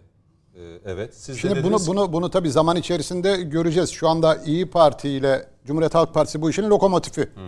Yani çok zıt kutuptalar. Cumhuriyet Halk Partisi eminim ki çok iyi anlatabiliyor ki İyi Parti bunu süzgecinden geçirebiliyor ya da kabullenebiliyor. Yani ben bu noktada kabul ederim etmem noktasında yani bu Türkiye'nin ve bu ülkeyi kuran bir partinin biraz ayıbı yani bunu bunu dillendirmek 3 zorundayız. Bunu bunu bunu, bunu söylemek yeni bir zorundayız. görüşme var. Masada bir protokol açıklanacak galiba. 3 Temmuz'daki toplantı. Meral Hanım, Meral Akşener İyi Parti ev sahipliği yapacak. Yani tekrar ediyorum. Daha önce aday bulunamadı Ekmelettin çıkarıldı. Gene aday karmaşası yaşandı. O tarihi bir hatadır. Gel Lina Muharrem. Gül, Şener, Gel Muharrem. İlhan Yani Gül- Kesici isimleri tekrar. Yok oralarda onların şansının olduğunu zannetmiyorum ama şu andaki siyasetin kendi yarattığı dinamik bence olması gereken alay Kılıçdaroğlu'nun kendisidir. Çünkü özellikle bu geride bıraktığımız süreci sürekli kendisinin yönetmesi ve halen bir liderin kendi liderliğine inanmayıp Türkiye'yi yönetecek başka bir lider araması kadar bence Peki siz masada olsaydınız Kılıçdaroğlu'nun adaylığı için ne derdiniz? Tabii genel başkan ben de biraz zorluyorum hazır bulmuştum. yo yo yani Sorayım yani. tabii yani bizde öyle bir şey yok. Ee, Genel başkanım Önder Bey buradan da selamlarımızı iletelim. Biz de- Önder Aksakal Sayın Önder Aksakal'la pek çok yayında beraber Tabii. olduk. Çok net şekilde çok sorularınıza değerli cevap verdi. masanın Değerli alacağı insan. karar çerçevesinde ve konjektür de onu gerektiriyorsa eğer o masadaysak eğer onaylayabilirdik. Peki bu adayı açıklamama sebebini e, ya masadan bir aday çıkacağını siz düşünüyor musunuz? Yoksa masanın Ben dışından. kuvvetli aday Kılıçdaroğlu'nu görüyorum. Biraz önce söylemeye çalıştım işte. Ama diyorlar aday Ekrem- yıpranır diyorlar. E, aday yıpranır tabii ki E, yıpranır. yani Kılıçdaroğlu açıklansa neyi yıpranacak, neyi yıpranmayacak? işte ben lider olsaydım, ben o partinin başında olsaydım veya tabii diğerlerine de kabul ettiremiyor olabilir. O da başka bir süreçtir. Kendi aralarında yaptıkları bir tartışmadır.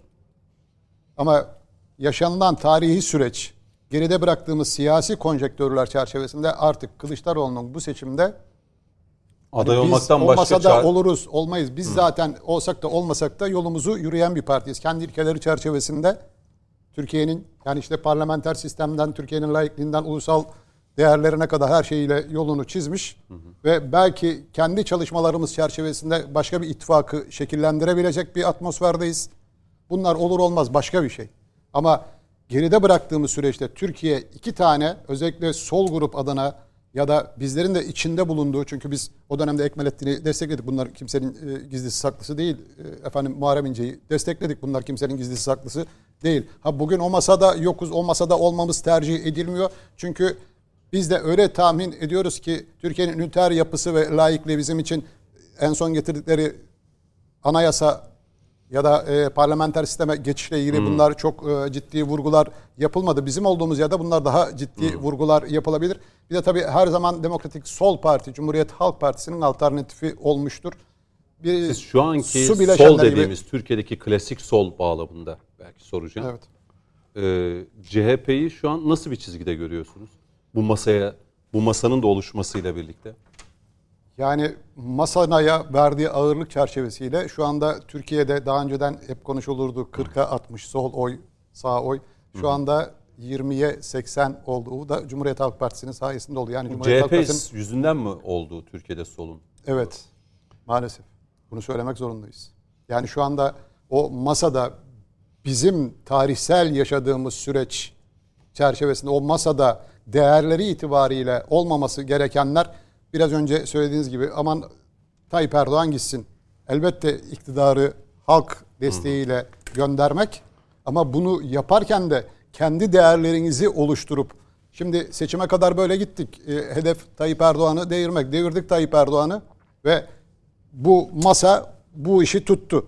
Tabii masada yokuz. Masa adına konuşuyorum ama kusura bakmasınlar. Yani oradan çıkabilecek sonuçları algılamak, e, kendi adımıza düşünmek. Çünkü aynı tabandan besleniyoruz. Her ne kadar e, çizgilerimiz, ufak tefek ayrışmalarımız olsa da çünkü bunu sahada yaşayan, sahada gören, oradan eleştiriler alan, orada eleştirilere cevap veren, oralara eleştirilere e, söz söyleyen biri olarak bunu e, söylemeye çalışıyorum. Yani sonuç itibariyle Türkiye şu anda %20'lik bir sol kesim, %80'lik bir sağ sağ, kesim. kesime ve o masada bu sağı da daha besleyecek ve iktidara gelindiğinde kendi ilkeleri çerçevesinde neler talep edecek ya da talep ettiği şeyleri Cumhuriyet Halk Partisi'nin önderliğini yaptığı bu ittifak ne kadar göğüsleyebilecek ya da Cumhuriyet Halk Partisi'ni yönetenler bunu ne kadar göğüsleyebilecek? Bunu tabana nasıl anlatacaklar? Anlatabilecekler mi?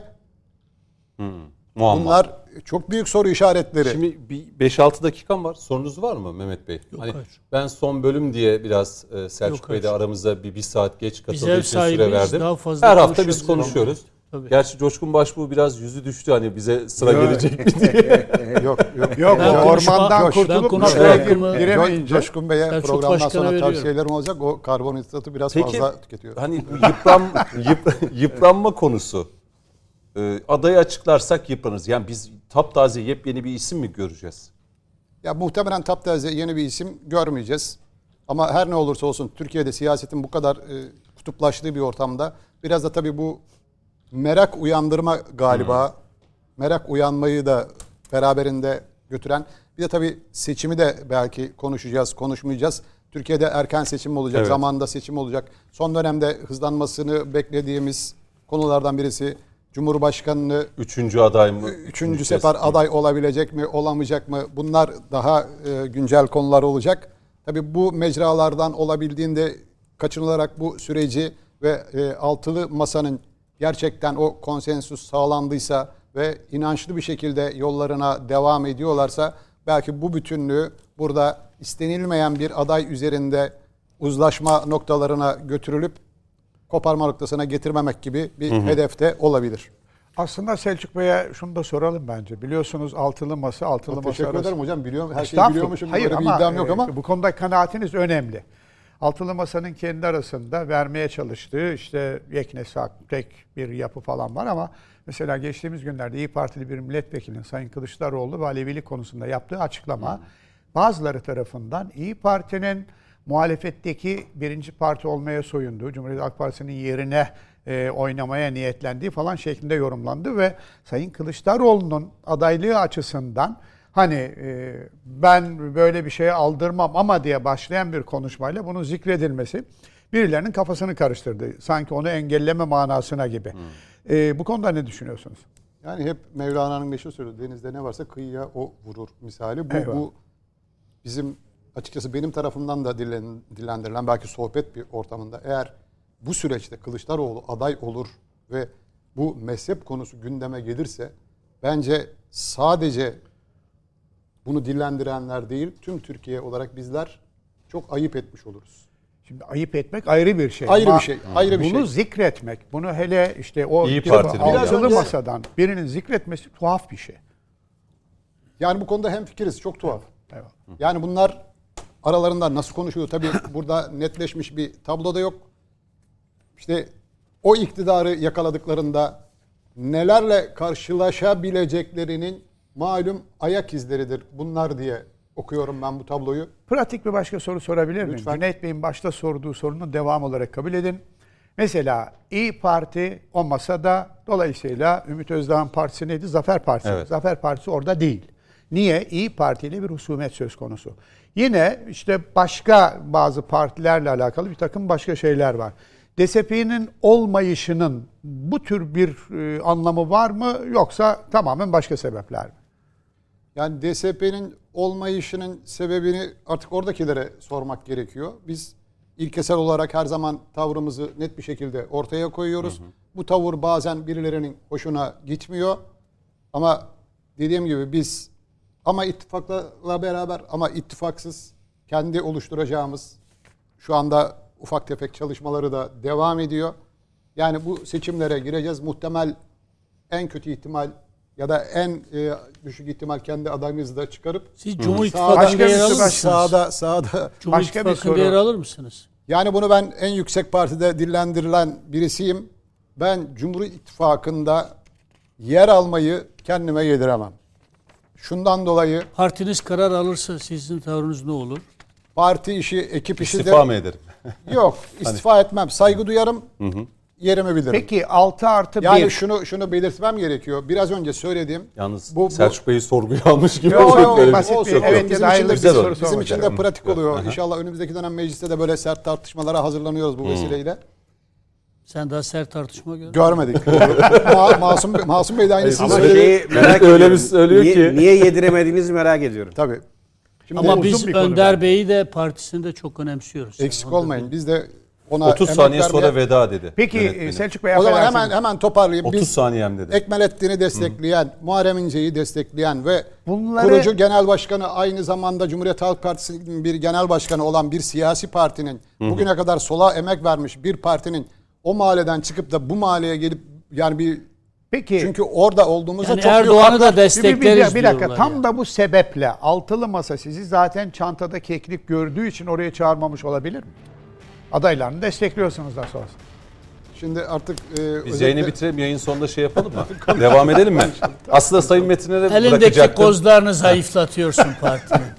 Ee, Bu da sana siyasette bir ders olsun. tıp öğrencisi Yok kızımızın değil net bir şekilde ortaya geçecek- koyuyoruz. Yani siyasi partilerin tavırları Erdoğan bugün ulusal mücadelenin bir kahramanıdır. DSP'nin, Ecevit'in DSP'si çok önemlidir ulusal meselelerde. Gerektiğinde biz tavrımızı farklı koymasını da biliriz derseniz çok daha farklı. Peki bitirelim biz yine tartışmaya Sevgili devam Başkan, edelim mi? Önder Bu- Başkan da bu- şimdi bu- bu- dinliyordur mutlaka. Bu Önder Başkan'a da saygılarımı iletiyorum. Ee, o benim ne dediğimi, Ben- ne istediğimi de bilir. Yani hakikaten bir insanın bir yerde yüzü olması Sizi gerekiyor. bekliyoruz, sizi bekliyoruz. Yüzü- Cumhur İttifakı'nda. Ee, Erdoğan'ı desteklemeye Aslında bekliyoruz. size son sözü bırakacaktım. Ya bu deve hem bu deveye gideceğiz hem bu diyardan Bu gitmeyeceğiz diyar diye. bizim diyarımız. Bu diyardan Hem hiçbir yere deveye gideceğiz, gitmeyeceğiz. Kimseyi de bu diyardan göndermeyeceğiz. Peki. yani. Bu diyar Ee, hep bizim aslında diyarımız. kızımızın o tarihi konuşmasına dair de belki hepinizden birer cümle alacaktım ama Kızımıza bitiriyorum. selam olsun. Peki. Ee. DSP Genel Başkan Yardımcısı Selçuk e, Karakülçe bizimle birlikte. Çok teşekkür ederim. Sağ olun. Ee, Ekrem Kızıltaş bize yine eşlik etti. Zaman zaman o gazetecilik refleksiyle soruları hep eş peşe sordu. Rol kapmak için. Coşkun Başbuğ'a teşekkür ediyorum. Ben teşekkür ederim. Ormandan çıkışıp NATO'ya girişiniz harikaydı. Mehmet Metin Erse de teşekkür Ben ediyorum. teşekkür ediyorum. Biraz sizi fazla yormadım. Daha DSP'ye böyle- de başarılar Evet. diliyorum. Kendi adıma. Biz Önemsediğim bitiriyoruz. bir parti olduğu için. E, sert sorular 23.30'da e, TVNet ekranında olacak. Tuğçe Kazaz sert soruların konuğu. Bizim programı tekrar da gece yarısı efendim. Önümüzdeki hafta görüşmek üzere. Hoşçakalın.